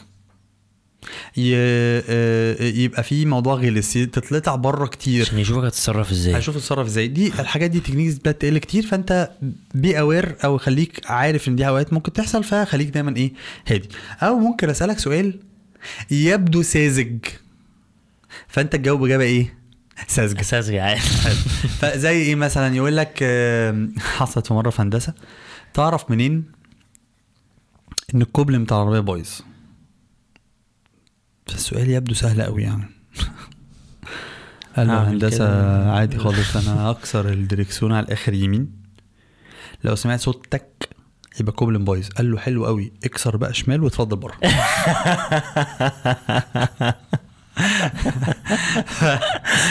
هو انت ده أنا مش بكلم ميكانيكي مع احترامنا. أنا بكلم مهندس. فلما أقول لك تعرف مين الكوبلين بايظ تقول لي ه check على واحد اتنين تلاتة أربعة مش تقول لي أكسر وأسمع الصوت. يعني يعني انت بت check إيه بالكسر اللي انت عملته؟ آه فاهم؟ يعني يقول لي بت check يعني يقول لي في process بتمشي عليها أنا محتاج أشوف هندسة. فأوقات بيتسأل أسئلة تبدو كده ساذجة قوي عشان يبدأ يشوف إجابتك. فلما مثلا أديك مثال حصل معايا بقى شخصيا ما كانتش في شركه أنا مقدم في حاجة supply chain supply chain سلاسل الامداد حاجة management أكتر. مهم. فالراجل أنا كان بقالي سبع ثمان سنين سايب شركة أبو غالي Motors. كنت فيها مبيعات. الراجل طب خلاص آه، جه في حتة أبو غالي قام مسكها. قال لي طيب آه, آه فأنت إيه اللي كان بيميز العربية يعني؟ فسؤال بعيد خالص ال supply chain فقول له عربية دافع رباعي مستمر. قال لي حلو قوي بس. قام مسك ورقة وقلم. وقام راسم ملف وقال لي لو العربية هنا وهتخش الملف ده إيه الفرق بقى بين الدفع الأمامي والدفع الرباعي؟ إيه اللي هيحصل في الملف؟ ده ده أوقات ما بيبقاش سؤال ساذج بقى ده بيبقى سؤال بره خالص النمط وهدفه أوقات بيبقى سؤال هدفه أوقات بيبقى هدفه ال distraction إن أنا أفصلك لو أنت مجهز نفسك قوي. فالسؤال ده لما الأسئلة بتبقى اللي هي خارج الصندوق خالص محتاج يسمع أو يشوف ال thought process طريقة التفكير النمطية اللي أنت ماشي بيها. حلو فيبدأ يشوف إن أنت بتحلل الكلام وبتعرف تقول الكلام بشكل مرتب ومنظم وبتمشي على sequence وتفكير معين. آخر حاجة هنقولها في ال interview وهي آخر كلمة ال HR أو ال hiring manager أو الراجل بيعمل معاك ال interview بيقولها لك في ال interview يقول لك أنا خلصت. عندك أي سؤال؟ إيه الإجابة الساذجة اللي حضرتك ممكن تقولها؟ إيه ممكن هقبض كام؟ هتكلموني إمتى؟ لا تقول لي طبعا. لا تمام ما عنديش بس هو حضرتك كلموني إمتى زي ما أنت قلت. آه. ده statistically يعني 40% من الناس بتجيت ريجكتد بسبب السؤال ده. يمكن يكون دي مش آخر إحصائية. الكلام اللي أنا بقوله ده آخر مرة قريته 2013 2014 لكن ليه بقى؟ لما سأل حضرتك عندك أي سؤال أنا بقى ك interviewee أو أنا واحد مقدم على الشغلانة أول لما ال HR يقول لك عندك أي سؤال تقول له إيه؟ my turn دوري جه أو دورك جاي يعني شوف أنت هتعمل إيه. ليه بقى؟ الراجل قاعد مشرحك أسئلة طول ال interview بيقول لك عندك أي سؤال أنت المفروض تعمل إيه؟ محتاج تسأله. مم. أول سؤال حضرتك محتاج تسأله السؤال اللي هقوله ده هيبان للناس إيه أكرم السؤال ده ما ينفعش تسأله لكن ده لازم تسأله. كلمني أكتر حاجة عن الشغلانة. اللي هو أنا جاهز دلوقتي على فكرة. إيه؟ ازاف إن أنت behind the question بتقول له أنا مستعد لدرجة إن أنا أقول لي بقى يلا هنشتغل هنعمل إيه؟ آه ولا وفي لقطة تانية بقى كمان هدفها أهم كمان من النقطة دي النقطة دي. مهمة. إن آه، أنت فعلا يا شيرين أوقات بتبقى مش عارف هتعمل إيه؟ هتعمل إيه بالظبط. يعني business analyst في فودافون مختلف عن business analyst في اورنج مختلف. صح. فال... فالفكرة إن أنت عايز تسمع ال daily activities الأنشطة اللي بتحصل بشكل يومي. فحد دلوقتي ممكن جاي قايل إيه؟ يا أكرم بس أنا ما ينفعش أسأله السؤال ده. ما أنا كده مش معناه إن أنا مش قاري job description معلش أقول لحضرتك حاجة بقى. هو لما سألك عرف نفسك. هو انت مش كنت عامل تعريف كامل في السي السي في في صح. فهو سمح لنفسه ان هو يسألك السؤال ده. فلو انت جيت قلت له السؤال ده فممكن حد يقول لي اكرم هو ممكن يقول لي هو انت مش عارف job description أنا هرد عليه رد بكل ذوق وبكل ادب. لا حضرتك أنا عارف ال job description بس عايز افهم حضرتك أكتر دي ال activity زي بالظبط حضرتك قريت ال CV بتاعي. بس كنت عايز اعرف مين تفاصيل؟ فنفس الكلام أنا عايز أسمع التفاصيل مش job description عايز أسمع تفاصيل في الحياة اليوميه. في ال daily activities وال week activities بتاعت الشغل. ده سؤال مهم جدا. ليه؟ لأن السؤال ده ليه كنت بقول 40% من الناس بت get rejected في الحتة دي؟ علشان you didn't show any interest. يعني أنت. لم تظهر اهتمامك بالشغلانة. النهارده أنت مش فاهم الشغلانة قوي. لو أنت ما تسألنيش فيها أنت مش interested أصلا في الشغلانة أنت مش مهتم أصلا بالشغلانة. ده السؤال الاولاني السؤال الثاني اسأل عن ال succession planning هل الشركة حاطة الخطه لما انجح هترقى إزاي؟ دي اسمها succession planning لو انت سألت السؤال اللي عندك succession plan فقال لك يعني إيه؟ انت اللي هت reject الشركة. قول له سلام عليكم. شكرا. بالظبط كده. ما عندهمش career path ولا فاهمين ما حاجة. عندهمش. السؤال اللي بعد كده اسألهم عن حتة ال learning وال development هل في learning opportunities بتحصل جوه الشركة؟ أنا ممكن أبقى بترقى. بس ممكن الترقية دي عشان في career path محطوط. لكن هل الشركة بت- بت invest وبتهتم في الحتة بتاعت ال training ولا لأ للموظفين؟ ودي حاجة مهمة جدا محتاج تكون عارفها. آخر حاجة أسأله سؤال عن ال culture عن الثقافة بتاعت الشركة. ممكن سؤال تسأله بطريقة indirect مثلا أديك مثال شاهين النهارده بقاله في فودافون 10 سنين. البديهي كده. معنى إن شخص يقعد في شركه 10 سنين؟ معناه إن كان أكيد في حاجة حلوة في الشركة. أكيد. حاجات. أكيد Yes. صح؟ فأنا النهارده لما أقعد مع مع شاهين في interview وأقول له معلش حضرتك من ال profile بتاع حضرتك على LinkedIn اللي أنا بصيت عليه على LinkedIn أو ما بصيتش عليه هو قاله لي في ال introduction فقام جاي قايل له طب حضرتك بقالك 10 سنين في فودافون. إيه الحاجة اللي أنت كنت شايفها فودافون ك culture أو ك processes أو ك policies سياسات أو ثقافة معينة جوه فودافون خليتك تبقى مبسوط وأنت فودافون؟ ليه ما سبتش فودافون بعد كل السنين دي؟ السؤال ده هيخليني أطلع من شاهين حاجات هتفرق معايا في قرار أنا أروح أشتغل في فودافون ولا لأ. yes وممكن تتفاجئ إن في نفس الشركة وده بيحصل وأنا مش هينفع أقول. أسماء الشركات عشان لو قلنا حاجات negative اللي فيها نفس الشركة marketing اللي جواها خطير وما حصلش HR اللي جواها زي الزفت صح. كإدارات. صح. الإنتاج عندها زي الزفت فأنت ممكن لما تيجي تسمع الكلام ده تقرر إن الشركة دي عاجباك أو ما تعجبكش وممكن أنت تقرر إنك مش تروح تشتغل في الشركة صح. وأعرف شخص عمل كده وفعلا بسبب الإجابة دي رفض الشركة دي وقبل شركة تانية. أكرم شكرا جدا يا أكرم. والله يعني كانت فقرة خطيرة في ال show cast والسؤال بقى الجاي أنت شايف iCareer فين بعد خمس سنين؟ مش محضر. ما خدناش في ال class. لا بجد شايف iCareer فين بعد خمس سنين من النهارده؟ انت سبت your full time job في شركة كبيرة و... وده الحلم بتاعك فحاسس انت ممكن بعد خمس سنين يبقى فين ال iCareer؟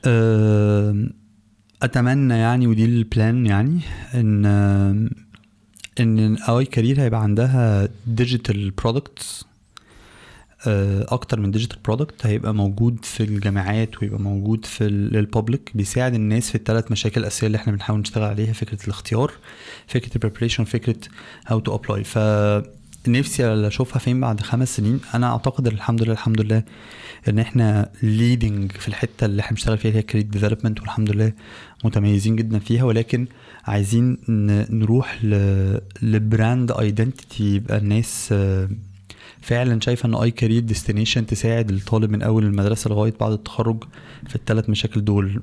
عندي مشكلة في الاختيار يبقى دايما أنا بيجي في دماغي iCareer عندي مشكلة في ال qualification يبقى دايما بيجي في دماغي iCareer عندي مشكلة في إنه how to apply ويحصل ال matching المناسب يبقى دايما بيجي في دماغي iCareer فبالنسبة لي بعد خمس سنين أتمنى إن iCareer تبقى ال go to company الشركات أو الطلبة أو الخريجين آه، بيروحوا لها لما يحبوا يشتغلوا على ال career بتاعهم بشكل مميز. إن شاء الله. إن شاء الله أكرم آه، عندك خطة تقاعد؟ بعد المرمطة دي بقى آه. إيه الأخبار؟ والله شاهين ودي حاجة من الحاجات بصراحة اللي كويس أنت سألت السؤال ده علشان أنا هقول للناس وجهة نظر في الحتة دي ليا أنا شخصيا يعني. فاكر السؤال بتاع شايف نفسك بعد خمس سنين؟ آه بلاش خمسه قول لنفسك شايف نفسك فين كمان ثلاث سنين. You need to have milestones يعني. مش عارف يعني بالعربي. آه، آه، خطوات آه، pit آه كنت أقول لك pit stops. خطوات مرحلية يعني. yes الثلاث سنين اللي جاية هي مرحلة. yes أنا الثلاث سنين اللي فاتوا كانت مرحلة. مرحلة بن بسيب corporate وبأسس شركه والشركة دي I need to make sure إن هي sustained يعني محتاجة أتأكد إنها وقفت على رجلها واقفه على رجلها وإن هي مكملة وإن كل سنة الحمد لله بيحصل عندنا نمو في ال business بتاعنا حتى لو مش كبير لكن بيحصل نمو فدي كانت مرحلة تأسيس. حلو. أنا النهارده ب plan إن في خلال السنتين ثلاثة الجايين هنعمل حاجات معينة. متخيل إن أنا بعد ثلاث سنين ممكن أكونش أنا لسه اللي ب lead آي كارير. آه، ممكن. يبقى في حد مكاني هو اللي بي lead شاهين مثلا. شاهين مثلا هشام آه، كل الأفاضل اللي اللي مزهقنا في مكتب آي كارير يا باشا منورنا وبيزيدو- بيزيدونا الله يحفظك آه، ويبارك فيك. بيزودونا يعني آه، فخر يعني و value وكل حاجة ف فأنا شايف إن بعد ثلاث سنين أنا هشد خط أنا عارف من دلوقتي حالا إنه 2023 آخر 2023 أنا هبقى بشد خط وبرسم إيه new milestone فال new milestone ده ممكن يكون ان أنا آه هفتح شركة تانية. ممكن ان أنا هخرج خالص بره فكرة الشركات وابدأ اشتغل في العمل العام. ممكن أكون شايف إنه لأ أنا حابب من ضمن الحاجات اللي نفسي أمر بيها إن أنا إيه في إيه؟ أصل أنا حسيت إن أنا كنت أقول لك واحدة من الحاجات اللي إحنا ممكن نشتغل في تجارة أنا وأنت ونبيع حاجة بس مش عارف إحنا هنبقى بنبيع إيه؟ اللي إحنا بنبيع حلو قوي مع بعض في ping pong كده هنبقى بنبيع ممكن حاجة. ونقفل الاستوديو ده والشركة. بالظبط. ممكن يبقى كمان ثلاث سنين. أنا من الحاجات التجارب اللي أنا عايز أمر بيها هي إن أنا أشتغل فترة بره مصر. حلو قوي لفترة مؤقتة. فأجرب ال experience دي بشكل أنا سافرت مرة أو مرتين بس حاجات في فسحة في مسابقة في whatever لكن إني أيوة. أعيش تجربة حياة لمدة سنة أو سنتين وثلاثه فبرضه هبقى برسمها مراحل. فأنا شايف إنه أي حد لو حد بيقول أنت إيه الخطط اللي جاية أي حد محتاج يحط لنفسه milestones أنا كنت حاطط milestone من ساعة لما كنت القصة اللي حكيتها من أول ثالثه إعدادي وإنه أثبت نفسي إن أنا أنجح وبعد كده في الكلية عايز أعمل حاجة معينة بعد كده بعد الكلية عايز أشتغل في حاجات معينة. فكل شوية الحمد لله لما بتحط ودي كلمة مهمة قوي قوي قوي يا شاهين هي هقولها بالإنجليزي بعد كده نترجمها. When focus goes energy flows. لما التركيز بيروح في حتة الطاقة بتروح لها. فأنت حلو. هتركز وتحط بلان في ثلاث سنين اللي جاية أنا هعمل كذا. رائع بإذن الله ربنا تعالى يعني بإذن الله سبحانه وتعالى لو خدت الأسباب هتوصل لها. ما مشيتش هتنجح بطريقة تانية. صح. فلو أنت بتقولي عندك خطة قاعد أنا متأكد إن بعد ثلاث سنين هبقى بعمل حاجة غير اللي بعملها النهارده. أه، أتمنى إن هي تكون أهدى. أه، أتقاعد خالص. أعتقد إنه و- وارد إن عمره ما هيحصل تقاعد اللي هو أنا ما بعملش حاجة. اللي هو قاعد آه، ما بيحصلش. في بيت خشب على البيتش وبسطات سمك و... ما ما أول حاجة مش طموحي خالص. يعني أنا آه. طموحي إنه ممكن يبقى فيه دخل آه، آه، وعايز أقول لك وأنا حتى بقولها هنقولها يعني حتى مع ان ممكن يكون فيها أرقام. يعني أنا أنا متخيل إن أنا لو معايا 3 مليون جنيه في البنك ده ممكن يبقى عند ناس رقم ضخم ممكن عند ناس تانية رقم عادي. صح. انه ده ممكن يبقى بالنسبة لي آه، ياه. وأقعد في البيت سنة سنتين ثلاثة بصرف في, ال- في الرقم ده. بس بعمل حاجات بقى بعمل حاجات valuable وكل حاجة بفيد الناس بس مش مستني شغلانة بعد دخل. آخر معين. آخر الشهر. لغاية لما أبدأ تاني بقى هتبقى milestone حلو ممكن تبقى milestone أو أو جد الحتة المرحلة الزمنية دي. أنا هعيش بالطريقة دي بالنمط ده بالسلوك ده لغاية لما أبدأ أحط لنفسي milestone تاني. فحتة ال ال ال أنت قلت إيه؟ التقاعد. التقاعد بقى اللي هو أنا قاعد ما بعملش حاجة دي ما أعتقدش إن هي تمر نايس. في حياتي. يعني. أنا عايز أقول لك من أكتر الحاجات اللي كنت بفكر فيها من وأنا صغير وأنا حتى في الجامعة لما بيبقى عندي 70 سنة ما وجهة نظري إن ما ينفعش تبقى أنت كأب أو آه، حياتك واقفة بس على إنه إيه ده طب أنا ابني ليه ما بيزورنيش؟ وحفيدي ليه مش معايا؟ لازم أنت حتى وأنت عندك 70 سنة يبقى في في حياتك أنشطة. صح. حتى لو الانشطه انك بتروح الجامعة. حتى الانشطه إنك بتعمل حاجة خيرية اعمل أنشطة. يعني تاني هرجعك للفترة بتاعت الجامعة. أه وأنا ما أعرفش بصراحة الحتة التاريخية اللي أنا هقوله ده حاجة حلوة حاجة وحشة تاريخيا. أنا بس اعرف ان في شخص اسمه يوسف ابن تشفين ابتدى جهاده وهو عنده 70 سنة. اب- ابتدى. أو يعني وهو عنده 70 سنة كان بيجاهد ف ده معناه إن الراجل كان عنده هم. هو دايما الكلمة دي بصراحة تعجبني جدا جدا جدا. يقول لك كده ما الهم الذي تحمله؟ إيه الحاجة اللي بتهمك؟ بتصحى الصبح مهموم بيها. مهموم بيها دي مش حاجة وحشة مهموم يعني على طول بتفكر فيها. فلو عندك هم هتلاقي في activities ما عندكش هم بقى وهنا في فراغ وما فيش شعر عيش بقى. شوف بقى هتعمل إيه. لا ثانية واحدة انت ربطت الهم بالشعر بالشعر. دلوقتي ده معناه إن أنت الشعر راح من كتر الهم أكرم وبيض. والله ربنا يعينك والله ابيض طب أكرم تنصح الشباب بإيه عشان عارف أنت تعبت خلاص من القعدة واتفرمت النهارده في شاهين شوكاست منور أنا منور إيه اللي أنا؟ منورنا. دي ناس. تنصح الشباب بإيه كرجل أعمال وحد النهارده عنده قوي رجل أعمال دي كبيرة قوي. انت انت رجل أعمال انت مش لا، لا. مين اللي عمل supply chain summit qualify summit آه. في في في مجال إيه؟ ولا انصحهم بشكل عام؟ يعني خليني أقول لك النهارده أنت كحد شغال entrepreneur صح؟ ممكن نقول كده. ماشي. عايز نصيحة للشباب. specially الناس اللي بتفكر النهارده طول الوقت ال mindset يا أكرم بتاع الشباب بقى رايح يلا بسرعة نلحق نعمل شركات وإنت لازم تبقى startup owner و و و ف what's your advice هقول حاجة بقى بشكل بشكل عام بقى يعني آه، نختم بيها يعني. إحنا بنختم انت بيها؟ بتختم ولا إيه؟ معرفش أنا. لا لا ثانية انت بتختم. لا الحلقة لا لا لا لا لا. يا أصلا مش ده السؤال اللي هو لا, كده لا؟ لسه لسه. بص فاضل في, في سؤالين خلاص بنقفل بيهم حلقة شاهين show okay، cast ماشي. طيب أنا الحتة دي اللي هقولها حاجة عامة بقى ملهاش علاقة خالص بس إنك تبقى رائد أعمال أو لأ ليها علاقة بال grit G R I T مش عارف يعني خالص بالعربي لكن هي كلمتين.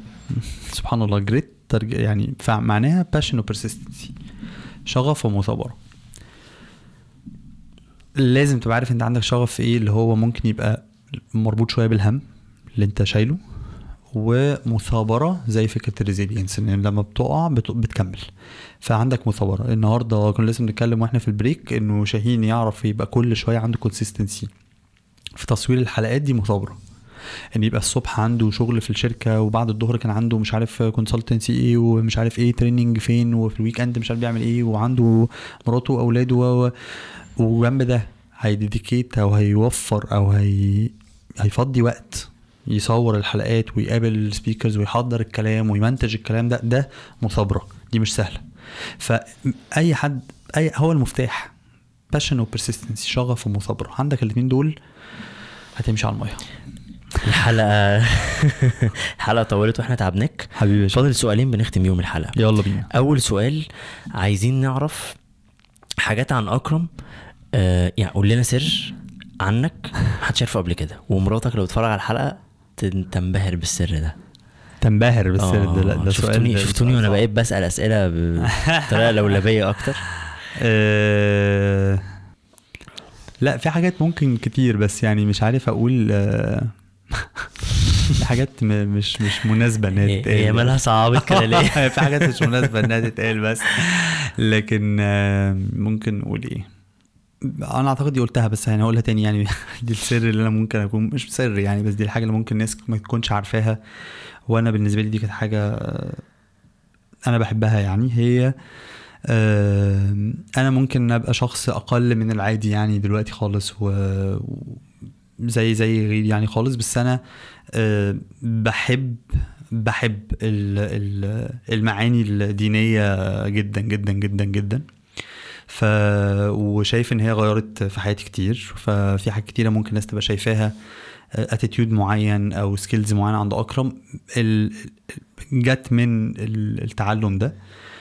الحاجة التانية حاجات بقى قديمة قوي يعني فطبيعي الناس ما بتبقاش عارفاها. يعني إن الرسم أنا بحب أرسم وكنت موهوب في الرسم. آه. لا ده أنا شخصيا ما سمعتش عن الموضوع آه قبل كنت كده. موهوب في الرسم وكنت بكتب وأنا في ابتدائي شعر و... وألفت قصص. أوه. ألفت قصة أنا مش ناسيها لأن أنا لما ألفت قصة أنا كان واضح إنه من زمان بقى شاهين. أنا دلوقتي است- جبتها مع ال presentations بتاعت الشركات. واضح أنا كنت بحب أفتي الفتية وألمعها يعني فاهم؟ فكنت عامل قصة اسمها زمن الكبار. مش مهم بقى خالص القصة بس عملت حاجتين في القصة بقى كانوا بالنسبة لي ظراف أنا غير إن أنا كتبتها أنا عملت لها غلاف بكرتون و... و... ب... وكتابة بقى معينة فبقى ليها غلاف. بشكل مختلف. وجوه كانت القصة فيها مشاهد. فكنت بجيب بوكاهانتس أنا مش عارف إيه قصه. قصة كرتونية كده أيوة. بنوته آه، وأجيب كابتن ماجد وأجيب أي الكرتون ده وأحط صورة ليه وأقوم جاي راسم بقية المشهد. فبقى الكلام اللي هنا والمشهد بيقولوا. Okay. فكنت بعمل ده وأنا في ثالثه إعدادي يعني ثالثه ابتدائي. ف... فكنت بحب قوي ال... بحب قوي الرسم. آه... لغاية حاجة من الناس اللي ممكن ما تعرفهاش خالص إن لغاية. لغاية قبل ما أفتح iCareer لغاية لا عايز أقول لك حاجة بقى دي مفاجأة كبيرة قوي يعني أنا مش مفاجأة يعني أنا لغاية ممكن تانية أو تالتة ثانوي كنت بلعب كورة لوحدي في البيت كان عندي دايما ألعب كوره اللي هي كوره الصغيرة بتاعت الأطفال دي الصغيرة الصغيرة دي وكنت بقعد ألعب بيها وأكسب بطولات وكنت. عبيط قوي آه لا لا كنت عبيط قوي يعني. فكنت مع نفسي. وأعتقد دي برضو الحتة بتاعت التخيل ال imagination دي آه، برضو كانت بتشكل حاجات بس كان هبل يعني. تخيل الواحد في ثالثه ثانوي شحط كده وقاعد بيلعب كورة في البيت ويكسر حاجات وكده أنا كسرت عند أمي حاجات كتير قوي أنا بيتهيألي مش عارف ليه تخيلت إن واحدة من الأسرار كانت هتبقى لا ده مش سر لا يعني أعتقد إن أي حد يعرفني أنا بعشق ماكدونالدز يعني.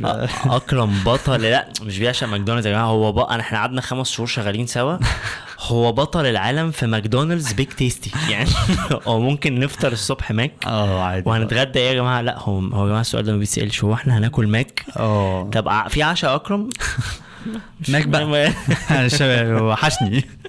وبعدين وبعدين تحب تسمع أكرم وهو بيطلب الأوردر. هو أكرم بالمناسبة ما بيحبش حد يطلب الأوردر بتاع ماك هو اللي بيطلبه لأن هو بيطلبه في 40 ثانية وبيطلبه بتفاصيله. يعني لو حد عايز حاجة معينة فهو هو خطير أكرم خطير والله. طب أكرم آخر حاجة في الحلقة لو لو رجع بيك الزمن وكانت في نصيحة عارف بيجي علينا وقت كده أنا لو. الحاجة دي لو اتعلمتها بجد أو كان حد نصحني بيها من زمان كان فرقت معايا جدا. فإيه ال piece of advice اللي إحنا ممكن هدخل student activity أنا كان عندنا أسر طلابية. أنا كنت هندسة حلوان مطرية. فما كانش عندنا حاجة اسمها student activities ما دخلتش يعني. المصطلح ده ما كانش عندنا. كان عندنا أسر طلابية. في أسرة المهندس معروفة. ف فما عنديش ما, ما كنتش بخش خالص student activities فأنا عرفت student activities بعد ما اتخرجت أو يعني في آخر ترم في التخرج. فلو رجع بيا الزمن هخش student activities لو رجع بيا الزمن هشتغل على حتة إنه أعرف ال multinationals وأنا في الكلية علشان كل ما دي معلومة مهمة قوي للناس إنه كل ما أنت تعرف تخش بدري ال career المناسب ليك ده بيساعدك إنك تترقى بسرعة فيه. فالنهاردة أديكم مثال حاصل معايا. النهارده أنا ونفس دفعتي. ممكن يبقى النهارده في P&G band 4 band 4 ده دي درجة رابعة ده حاجة كبيرة. أو band 3 يعني. هو الاثنين دول حاجة كبيرة. band 3 أو band 4 ده حاجة position كبير قوي. ممكن يبقى مرتب عملاق يعني كبير. بس أنا النهارده ممكن ماشي من شركة band 1 أو band 2 فالفرق ده إن هو دخل بدري عرف ال career اللي هو عايز يروحه بدري.